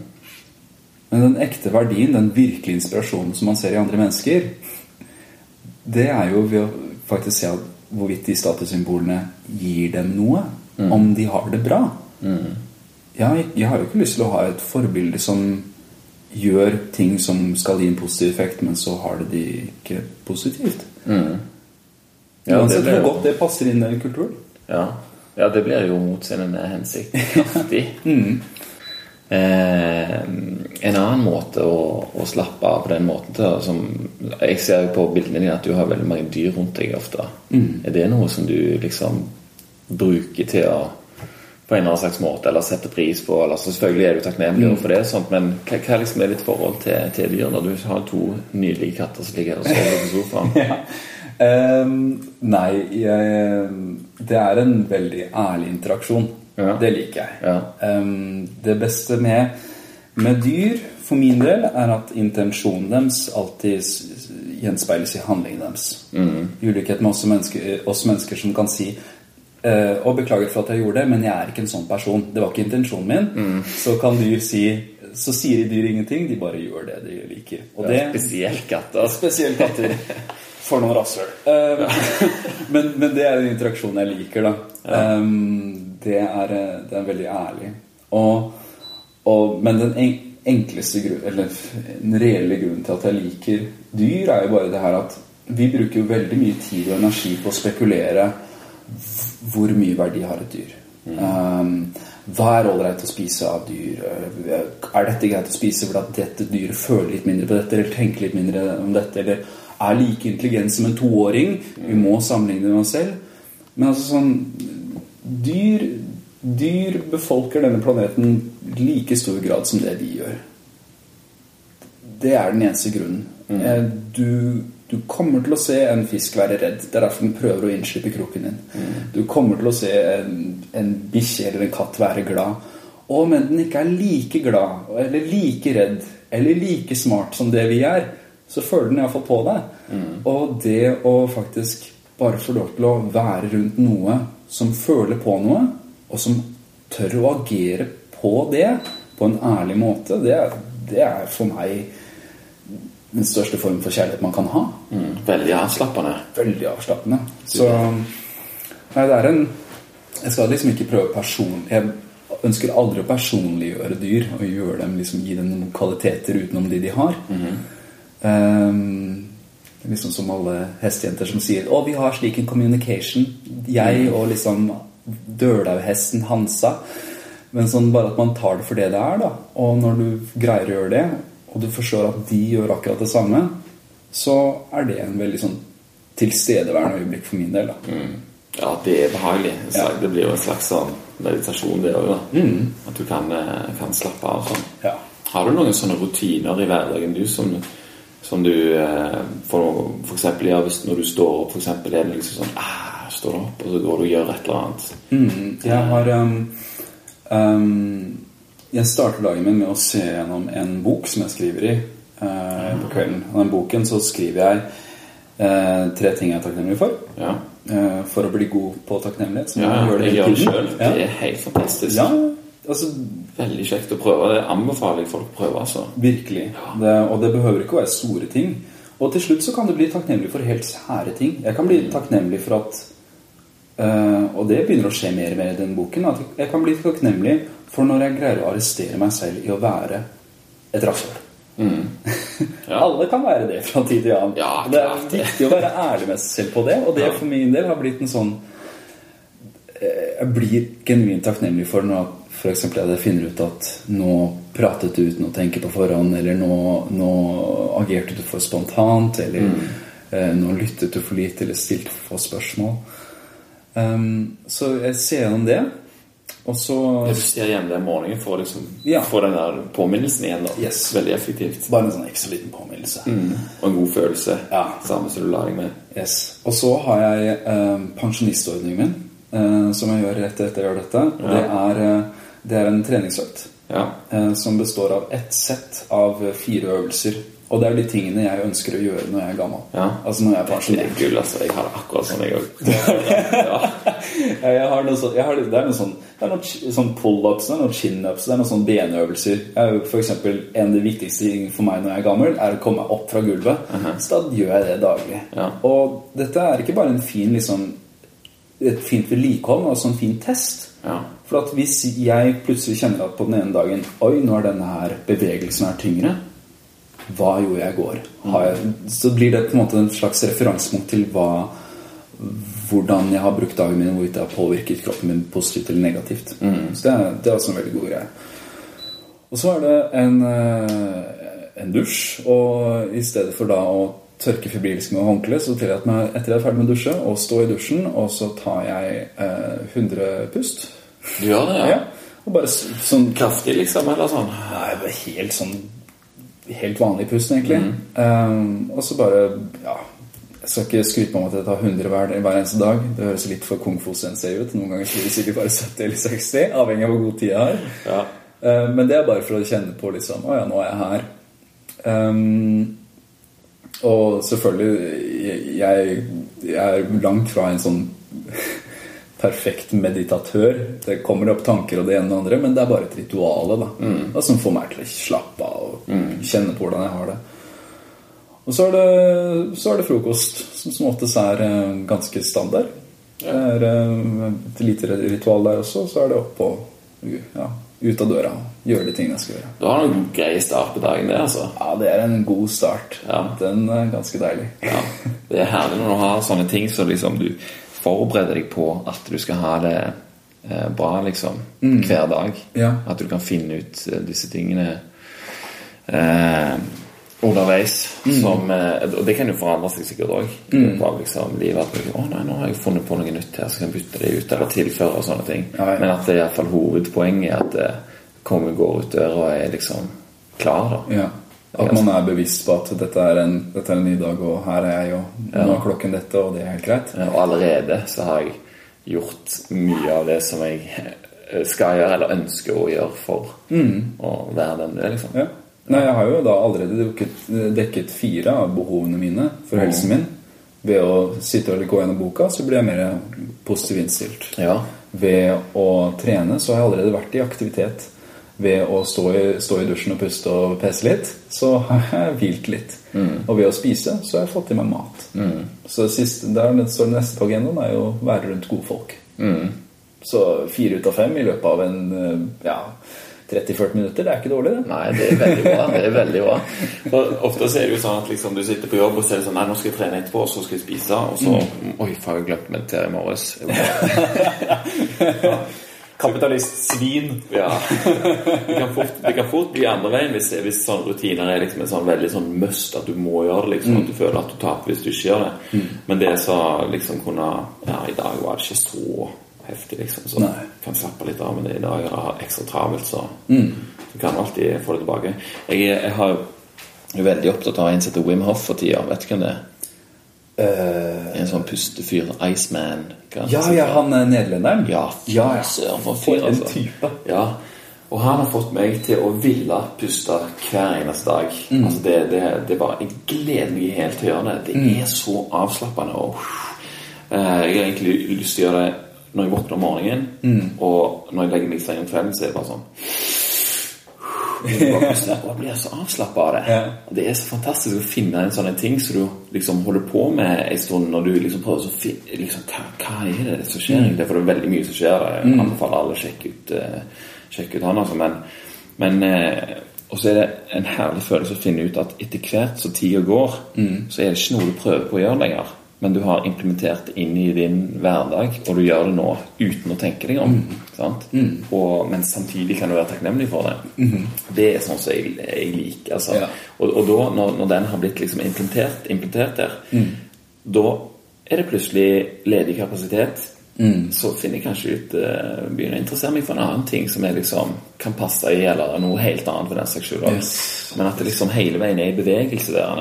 At, uh, at ikke det er liksom den beinestreken. At det, dette her gjorde jeg når jeg var i militæret, så det skal jeg gjøre liksom hele veien resten av livet. Er du med? Ja, ja men det, det er på en måte den, den um, um, Av alle de tingene jeg, jeg på en måte kan legge ut på sosiale medier av forskjellige typer bevegelser og sånt, det, det er ikke noe jeg sier til noen andre at dette må dere gjøre. Dette er noe jeg, jeg gjør personlig fordi jeg liker. Men det er en, men det er en det er akkurat den filosofien som du har der, som ligger bak det. og Ehm, det starter for meg som egentlig når jeg leser litt, bare litt om sånn generell økonomi, og det er den der loven om avtakende avkastning.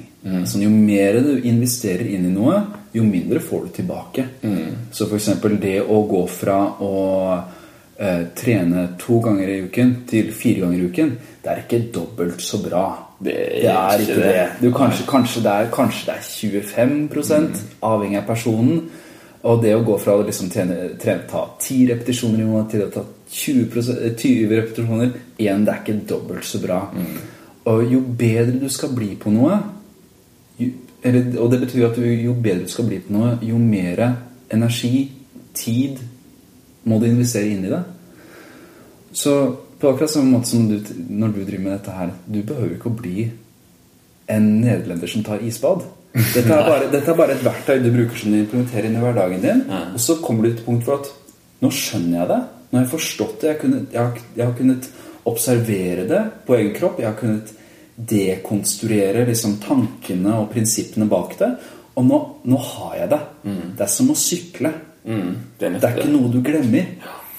Og det samme gjør jeg med, i treningen min. For at for min del så ser jeg ingen grunn til at hvorfor jeg skal og Dette er kanskje bare et rent personlig valg, men jeg føler det er litt universelt også.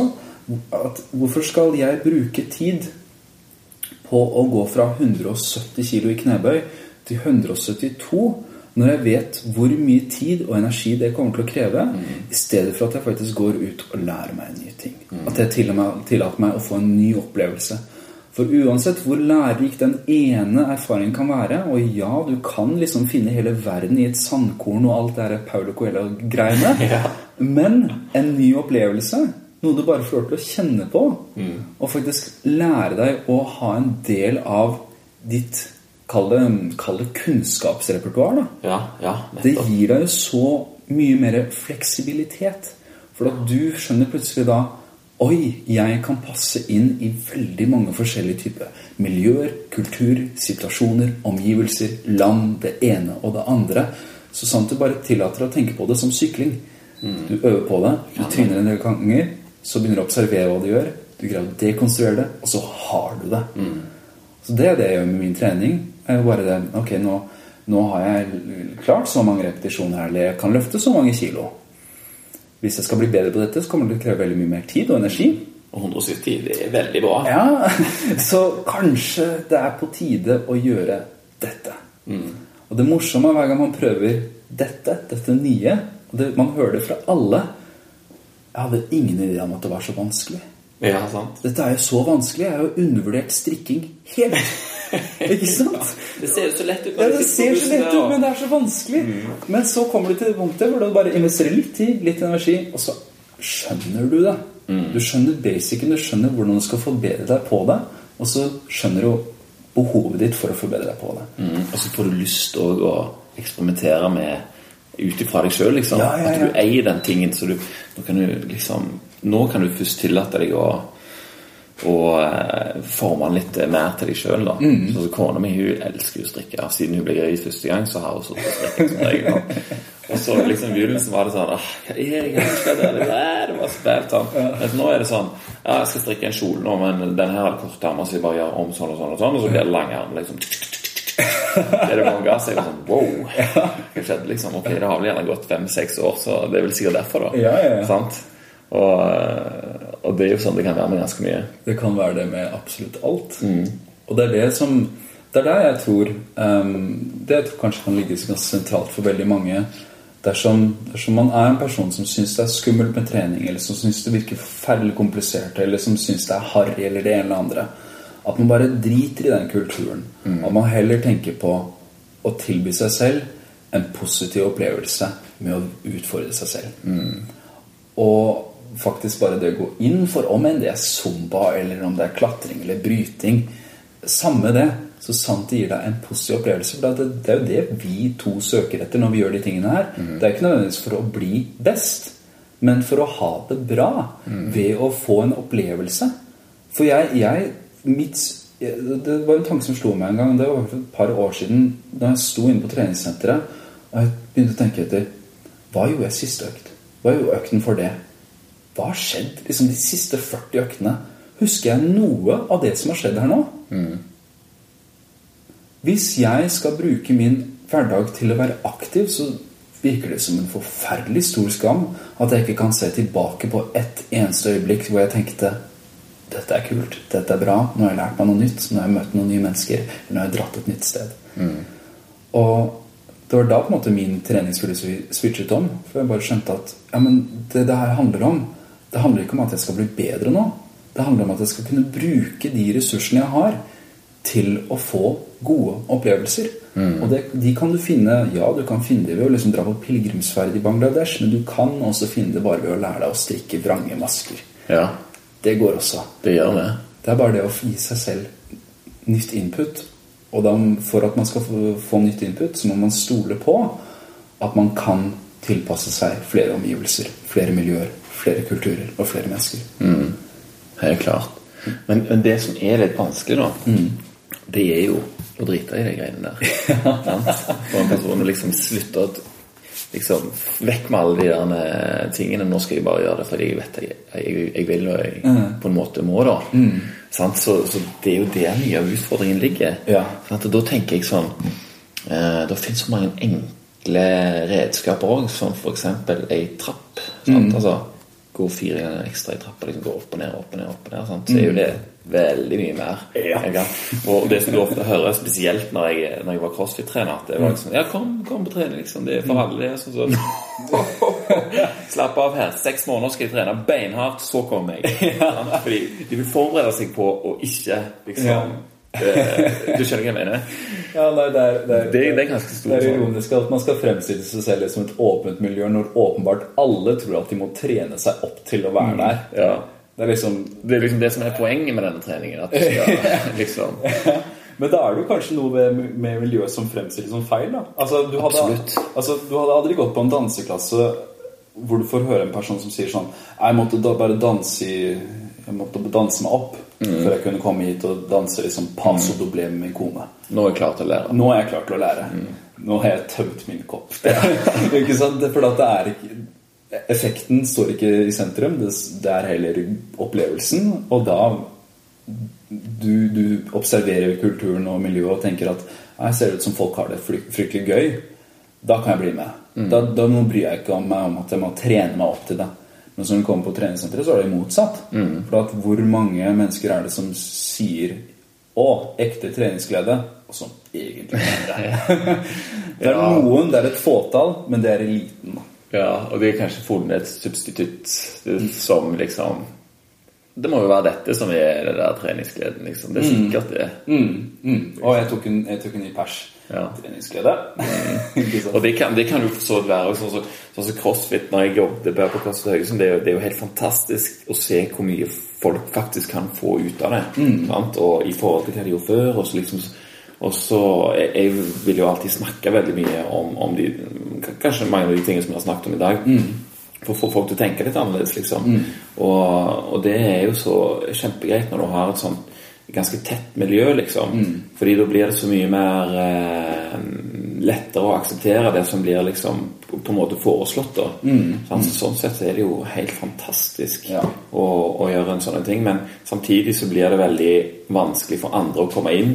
Eh, at de syns det liksom kanskje er skummelt, eller Ja. eh, ikke ser for seg seg sjøl i den, den tingen. Ja. Og, og samtidig at, eh, at hvis jeg gjør dette her, så må jo det følge med en personlighet. liksom. Da blir jeg jo en, en annen personlighet. Ja. Istedenfor at du kan tenke at jeg kan gjøre litt av dette her, og så kan jeg se liksom, kanskje det er elementer fra dette som jeg liker veldig godt, som jeg kan eh, liksom ta meg ut igjen. Sant? Mm. Sånne ting. Mm. Derfor er det mange der som er blitt utrolig dyktige vektløftere nå, og er med i EM, for eksempel, ja. sånne ting. Sant? Så det er jo bare sånn Tenk at jeg begynte her, liksom. Det er fantastisk. Ja, det er, det er utrolig stilig. Ja. Så det, er, det kan helt klart bringe med seg veldig mye positivt. Um, og spesielt i de mindre miljøene. Der Ja. ser vi um, som oftest mye høyere suksessrate for det å få folk til å komme i aktivitet. Men så er det alltid, det er alltid verdt å tenke på når man hører om alle, om, om alle Det er jo ikke så fryktelig mange suksesshistorier. Og så må vi tenke på hvor mange historier er det som har, ikke er av suksess. Og det er dessverre Vi leser jo ingenting. Nei, hvorfor skal man gjøre det? Ja, sant. Det er jo døds eh, ja. og liksom Jeg har vært støttemedlem i seks måneder. Det er ikke den historien du er keen på. Og så vil jeg gå under 20, men jeg har gått opp 5. Ja. Og det skjer. Og det skjer så mye. Ja. Og det er jo samme liksom Og da kommer det hjem på den straffingen igjen, nå, vet du. Ja, ja, ja. Nei, man skal, jo, man skal jo pine seg til å gjøre seg fortjent til mat, og man skal sulte seg dersom man ikke har pint seg nok. Mm. Uh, det, er, det, er, det er ganske brutalt hvor mye vi tillater oss å straffe oss selv, altså. Ja. Uh, på bakgrunn av at vi lar oss fange av en tanke som ikke gjør oss tilstedeværende. For at, altså Letteste måten og aller beste kostholdstips jeg kan gi, er spis litt saktere. Mm. Veldig bra tips. Veldig bra tips. Tygg litt flere ganger. Bare bitte litt saktere. Ja. Og så kanskje få med deg liksom Fordi at Altså, smaker det bedre fordi at man spiser fortere? Det gjør jo ikke det. Det er bare en del av liksom, naturen vår. Vi tenker jo på at vi har dårlig tid på å få oss denne maten, for at det lurer jo en sabeltanntiger bak oss. Ja. Men bare det å sakne bitte litt. Samme treningen også. Det sånn bare det å sakke ned bitte litt og tenke etter Føles dette bra ut? Jeg er sliten nå, ja, det vil jo være litt komfortabelt, men, eh, ukomfortabelt, men kjennes det bra ut? Er jeg et sted hvor jeg faktisk føler meg trygg, eller blir nysgjerrig eller lidenskapelig for det her? Og det samme kan liksom gjelde med avstressing også. Folk blir jo stressa fordi at de ikke er avstressa nok. Men bare sakk litt ned. Da kommer det av seg Det sjøl. kommer av seg selv. Ja. Og det er når man bare tillater faktisk kroppen til å lytte på konsekvensen av sine valg. Det er jo egentlig det. For kroppen er fryktelig flink til å vite hva som er negativt, hva som er positivt. Det er som regel det, altså. Ja. Ja. Det er bare at noen ganger så maler vi det bildet litt for mye. Ved å si at ja, jeg, det, kroppen min føles ikke bra, bra ut nå, men jeg har hørt at du må go hard or go home. Du har hørt at smerte er midlertidig, og ære og hall of fame er og uendelig. sett og hørt det overalt. Må være sant. Ja, det må være sant.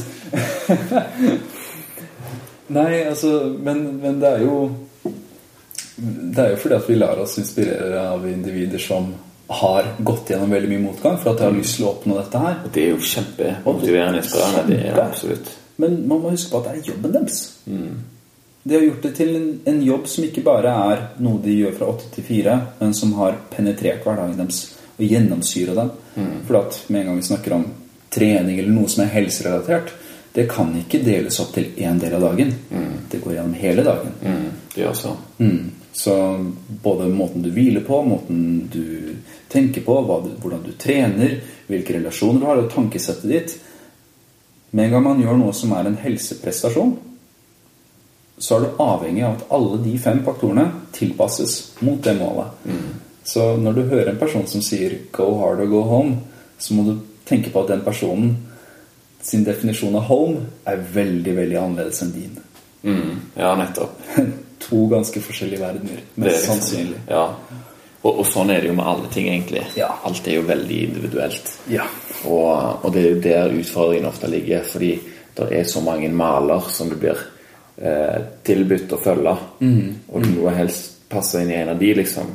Sant? Litt sånn som vi snakket om i stad òg. Men eh, å bruke noen av de til å finne den egen, det funker egentlig veldig bra. ja. Det er jo morsomt å altså, eh, Morsomt å eksempel se på type evneknagger folk plasserer seg bare på sosiale medier, ikke sant? Ja, det er jo hashtag, Ja, det er jo en jeg er en, jeg, jeg, så du kan kjenne meg igjen på denne hashtagen her. Hvis du går inn på min profil, så skal det være denne hashtagen her. Så skjer jo dette med alt mulig. Det kan være med kosthold, det kan være hvile, trening, det ene og det andre, det er spirituell og hei og hå. Men så det viktigste burde jo være du. Ja, ja. Eivind. Ja, hashtag Eivind, liksom. Det, det er en hashtag jeg hadde gått inn på. For da hadde jeg sluttet å bruke meningslager og bare gått direkte til personen. Ja, for jeg husker, jeg husker jeg hadde eh, Før var jeg ganske mye mer aktiv på sosiale medier, men så fikk jeg en liten pause. liksom Jeg bare Nå orker jeg liksom ikke ha en liten pause. Og så når jeg liksom gikk nesten et år og skulle komme tilbake igjen og så Jeg klarer nesten ikke å lage sånne hashtags lenger. liksom Nei. Er så meningsløst. Liksom, hvor, altså, så liksom, hvor mange skal jeg ha, da? liksom? Kom bare på ett. Nei, og, nei, men det, Jeg gjorde det som en greie på min eh, faktisk Instagram-profilen min. Jeg ga meg selv løfte om å ikke bruke hashtags. Jeg tror jeg skal begynne å følge den. altså Ja. eller, eller hvis jeg skal legge ut et bilde, skal det bare være én hashtag sånn, pju, av det som det vil det på. Jeg, jeg testa én hashtag en gang, og det var hashtag horse. Det var bilde av meg og en hest. Jeg er bare interessert hva er det som skjer. Ja. Eh, jeg fikk ganske mange det jeg vil kalle emosjonelt litt sånn rockelige eh, individer til å følge meg på ganske kort tid. Ja, men, men eh, de sluttet jo for med en gang de skjønte at det var ikke hashtag horse som var det nødvendigvis alt livet mitt bestod av. Men det gjorde jeg for en veldig enkel grunn, og det er fordi at jeg vil jo at, jeg vil jo at um, Ikke at folk skal tenke at de skal følge meg, at de skal ta kontakt med meg pga. en emneknagg, men fordi at de enten får tilfeldigvis finner meg, noe liv består av, eller at man blir kjent med meg via noen andre. Noe som oftest også liv består av. Ved å bare ta det vekk, disse her emneknaggene, så blir det plutselig litt mer livaktig. litt mer realistisk. Ja, og det er jo, det er mye kjekkere å, å vite at en person følger deg fordi han blitt en, en venn har fortalt om hvor kult det er, eller liksom hvor spennende dette er. liksom Sjekk det ut istedenfor at det bare er sånn tilfeldig sånn En som du aldri liksom har noen slags bånd til whatsoever. Ja. Men at en blir anbefalt av en venn? Det, det er deilig. Ja. Ja.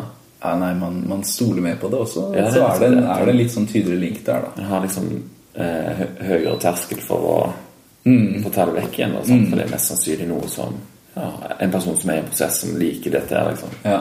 Ja. Det er jo, det er jo Vi er jo et ehm, Vi er jo et produkt av vårt miljø. Ja. Vi er ofte veldig glad i å tenke at vi er så ufattelig selvstendige i måten vi tenker på, men vi, er, vi blir påvirket. Uansett. Uansett. Men så må man snu det om, og så må man tenke hvordan påvirker jeg? Fordi at vi, vi bygger opp miljøet vårt. Det er så morsomt, ikke sant? Folk sier sånn Ja, men eksempel treningsmiljøet, da, treningsbransjen, så er det sånn Ja, men det er bare sånn det er. Og vi nå er jo bare nødt til å følge disse reglene. For vi, det er jo markedskreftene som styrer det her, det er miljøet som styrer det her. Men hvem faen tror du miljøet består av? Mm. Det er jo deg. Og alle andre. Så da, på sosiale medier, så det, det var liksom min tanke. Nå skal jeg prøve å påvirke mitt nærmiljø ved å bare ikke bruke eksempel da en hashtag. For at ja, du blir påvirket av miljøet, men du påvirker det også. Bare den lille Se om du har en påvirkning. Ja. For mest sannsynlig så har du ekstremt mye. Ja, og, og en av de tingene som Jeg, jeg, jeg ble rett og slett jeg, jeg, mm, jeg klarer ikke helt å vite hva ord jeg skal bruke, men jeg ble egentlig stolt når jeg så hvordan du håndterer f.eks. sånne sponsorhenvendelser, eller, eller liksom Kan du si noe om dette, liksom, som er liksom en del av den greia der? Og at du eh, Du vil ikke være en del av det Nei. det, da, da blir jeg virkelig sånn åh, det, det var en av de store grunnene til at jeg ville prate med deg. For, Ja, det er for det er så fantastisk når jeg ser Aksel Lund Svindal Er det den heter? Han er sponsa av Red Bull. Da, da, da blir jeg lei meg, altså. Ja. Jeg syns ikke det er greit, egentlig. Eller eh, ikke greit og greit, men liksom jeg forstår ikke eh, Kan det være nødvendig? Jeg kan se, jeg kan se en noe eh, Hvis jeg prøver hardt, så kan jeg se noen legitime grunner til det. ja, Og det er, det er hvis du er en type profil som har et godt budskap som ikke kunne ha blitt spredt dersom du ikke hadde en økonomisk eh, stabil plattform, da, som kanskje kom i form av da, sponsing. Um, eller hvis du driver med en eh, Og det går jo litt under budskapet også, men kanskje du driver med en type idrett som kanskje for en eller annen forferdelig urettferdig grunn ikke har så veldig mye økonomiske drivkrefter krefter bak seg. For eksempel, eh, la oss si styrkeløft i Norge. da som er, Vi er jo enere i verden på styrkeløft, men det er jo fortsatt veldig lite penger i det der. De fleste utøverne de må jo jobbe fulltid i sine. ikke sant? Så da kan jeg fortsatt se litt grunn til det. Men det vil Da er det kanskje mer legitimt at vi begynner å se på litt mer støtteordninger sånn fra staten eh, enn at det skal gå på produkt. Men ja, jeg vet ikke. For min del så jeg måtte bare ta et standpunkt fra det og bare si at det her kan jeg ikke være med på, fordi at det er, eh, det er ikke nødvendig, og mye av det er løgn. Så Ja, for det kan jo være et produkt er veldig bra, og at du faktisk kanskje bruker det sjøl, og at du da vil at eh, ja, dette her kan jeg faktisk stå for. Det er en helt annen sak enn å enn å si ja til en avtale pga. at det er f.eks. mye penger eller eksponering involvert. liksom. Og det er jo selvfølgelig, altså Alle kan jo ha sine grunner til å, til å, å gjøre sånne ting, men det er jo viktig å huske på hvem som du sier, hvem er det som følger med på, på deg. liksom Og Hva slags bilde vil du at de skal ha, og hva slags eh, Hva vil du at de skal gjøre? Ja. Sant? Vil du at de skal F.eks. lettpåvirkelig ungdom, vil du at de skal kjøpe Red Bull før du går på skolen? Sant? Nei, du, altså man, man, igjen, man har en mye større påvirkningskraft enn det man tror. Og den påvirkningskraften behøver ikke være ved at du liksom formulerer det på en viss måte, men at du som en god person, en form for forbilde, du assosieres med det. Og da vil, hvis folk ønsker å være deg, så kommer de til å kjøpe det. Så når det kommer til Det kan godt være at det tar ganske mye lengre tid, sånt, men det blir jo veldig mye mer genuint. Ja. Nei, når det kommer til sånn sponsing sånn Hvis jeg trenger jo ikke disse produktene. Jeg trenger ikke den detox-teen eller kompresjonstightsen eller det ene eller andre. Så hvorfor i all verden skal jeg si til andre at de skal bruke det? Det er bare ikke For min del så er det ikke en ålreit ting, da. Og, jeg, eh, og det er ikke Om enn det kanskje hadde gitt meg enda mer ja, enda mer eksponering eller det ene eller andre, så Nei, det er, det er ikke verdt det, da, på noen som helst måte. Eh, med alt det andre gjør, så prøver jeg å overbevise folk om hvor lite man faktisk trenger mm. for å ha det bra. Så da kan jeg ikke tenke meg å gjøre det samme med noe annet. Mm, nettopp. Denne podkasten her, den eh, blir jo som regel sponsa. Uh, men det skjer egentlig så er det, det er jo ingenting sånn penger i det, eller noen sånne ting. Men noen, noen ting er liksom Ok, jeg eh, jobber med noen ting som jeg tror på. Sånn, eksempel eh, noen sko som jeg syns er De er veldig gode. liksom De har forandra mitt liv når det gjelder hva jeg har på føttene. Det De- de har Vivo- Vivo Barefoot, ja. Det er gode det er sånn, ja, det er sånn åh, det, det kan jeg tenke meg. Jeg vet hvor vondt jeg hadde på mine føtter liksom, før i tida. Når jeg gikk med å presse meg sjøl inn i liksom, kule superstar Adidas-sko. sant? Og, og det har liksom forandra livet mitt. Og da syns jeg at det kan være greit å, å anbefale det, det videre. Og, og samme med liksom, et kosttilskudd som heter Pure Pharma. Jeg syns det er et veldig bra produkt, og jeg kjenner de folka som starter det. Det er liksom sånn, ok, Jeg kjenner historien, og den vil jeg fortelle videre. Så kan folk se at eh, dette er kanskje litt annerledes enn noe, noe annet. At det kan være et alternativ. Men det som jeg tenkte med denne episoden her, er at eh, siden det jeg snakker med, så er denne episoden ikke sponsa. Den er helt gratis. Å, så fint! Nei, men altså, vi sponser jo Det blir kjekt å leke litt sånn med Ja, men jeg, jeg har full, full respekt for det, altså. Men det er jo, det er jo sånn greit å tenke, vi, vi sponser jo hele tiden. Vi er jo vandrende reklameskilt for et eller annet. Vi spons, jeg sponser det å gjøre veldig mange rare ting med kroppen min. Selv om jeg prøver å si at dette er noe jeg gjør for min egen del fordi jeg liker det, så er det veldig mange som kommer til å tenke å, man må gjøre det. Eh, og man kommer jo også til å si til en person Å, har du, har du prøvd den restauranten?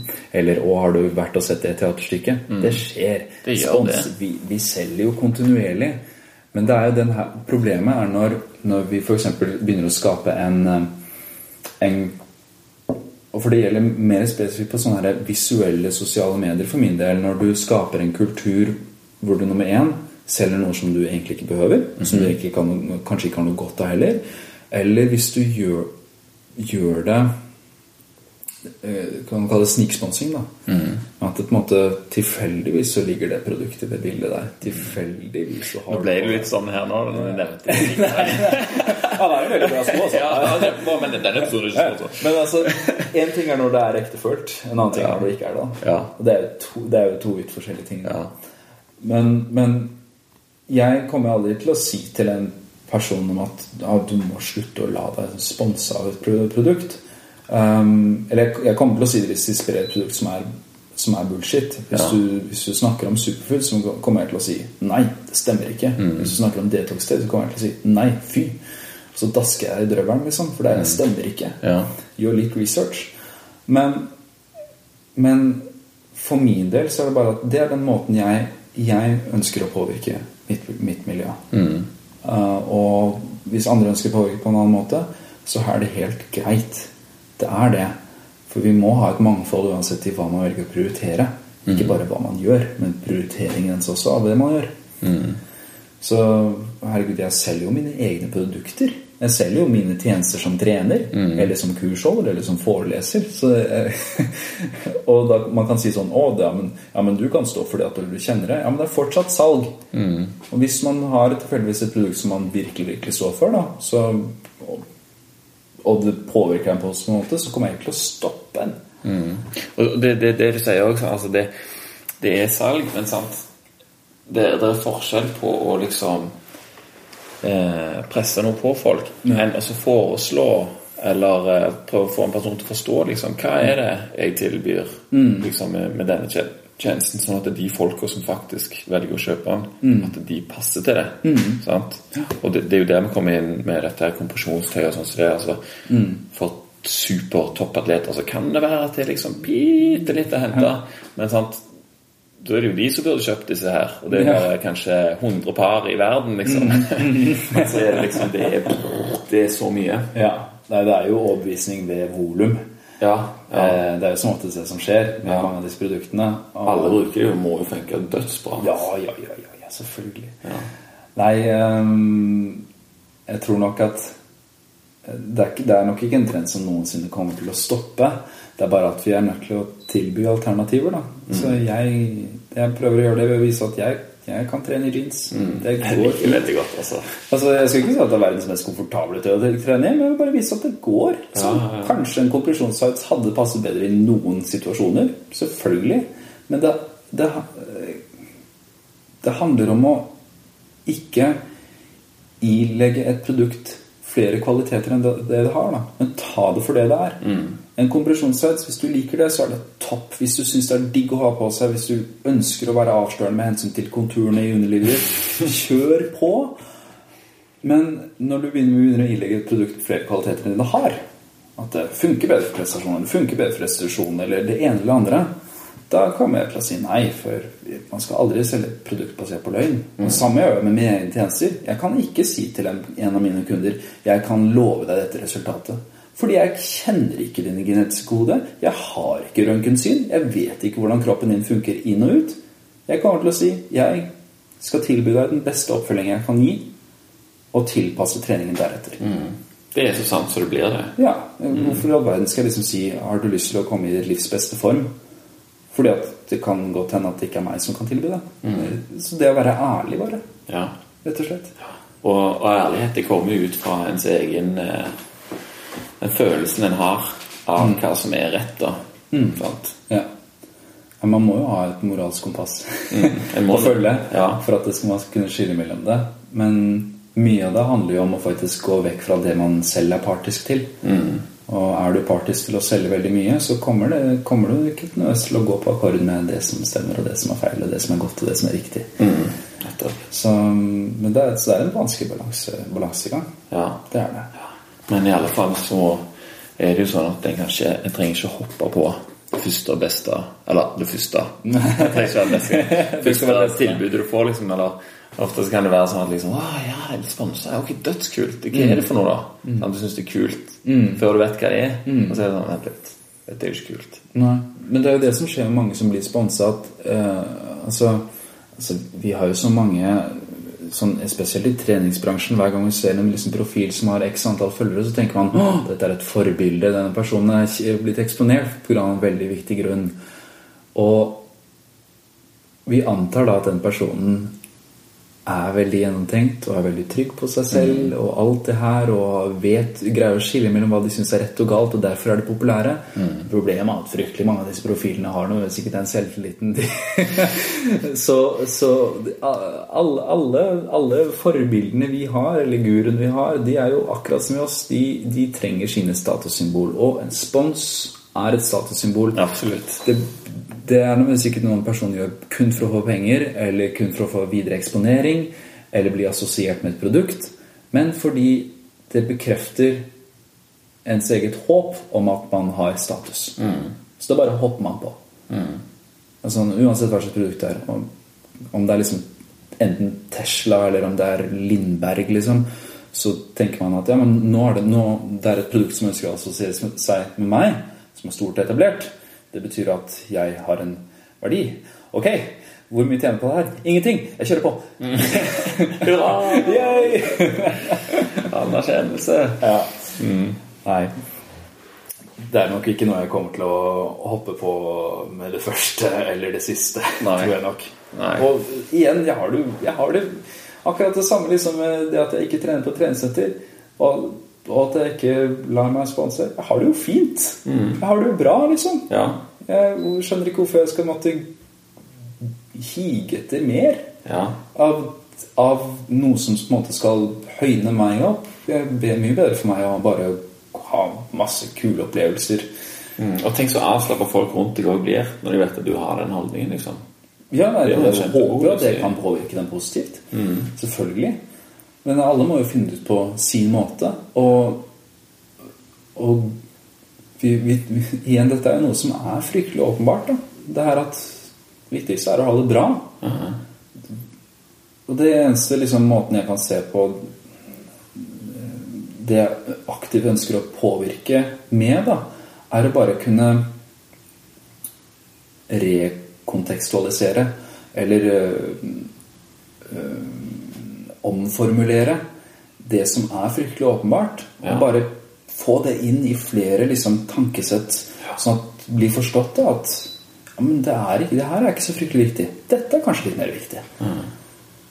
Altså, nei, jeg, jeg finner iallfall ikke på et hjulet på nytt igjen. Jeg må, jeg må bare Bare finne flere plasser å bruke det. Ja, finne flere plasser å bruke det, og finne en måte man kan liksom forklare hvordan hjulet funker. Ja. Tida fyker. Nesten to timer har vi sittet her og jabba og filosofert nå. Oi, oi, oi. Det går Koselig. fort. Ja, veldig koselig. Ja. Eh, jeg har en sånn, eh, et siste spørsmål. Mm. Har du noe sånn altså Nå har vi, har vi jo snakket til lytterne her veldig mye, men har du en sånn liten siste ting som du vil si? Det kan være en sånn kort tips, eller det kan være en liten livsfilosofi, eller et eller annet. En liten sånn Ja. Ja ehm, Jeg tror um, Et av de beste rådene jeg kan gi, er at man begynner å investere tid i å lære seg å lære. Vi får Du kan se på hvilken som helst type forside på et eller annet magasin. 37 tips, 15 tips, 7 uker, 6 uker. Hvor man skal bli håndfora med en korrekt vei mot et eller annet. Om det er et mål, eller at man skal lære seg en evne, eller det ene eller andre. Men hvis man ønsker å på en måte ha den livsstilen hvor man skal lære seg ting og bruke det som ressurser, så at man kan passe, tilpasse seg flere situasjoner og få flere opplevelser, og ha et godt liv, liksom, så, så tror jeg en av de første tingene man må gjøre, er å lære seg å lære. Vite hvordan du skal observere det du gjør, dekonstruere det, systematisere det, og korrigere det selv. Og bli din egen mester. Da. Å bli sin egen herre handler om faktisk å forstå hvordan man lærer seg ting. Det var For veldig du- altså. En mester er aldri utlært. Nei. Det er bare sånn vi tilfeldigvis snakker om det. Mm. Og vi er jo hverandre Eller vi er jo våre egne mestere. Ja, Vi er jo faktisk det. vi skal være det. Ja. Da må man faktisk tillate seg selv til å faktisk gå ut på den veien. Finne ut hvordan du kan bryte noe ned, så du ser de viktigste komponentene av det. Finne ut hvordan du kan korrigere deg selv. Om enn det er å arrestere deg selv i dine tanker, dine ord, eller en handling, eller en, den evnen du ønsker å lære.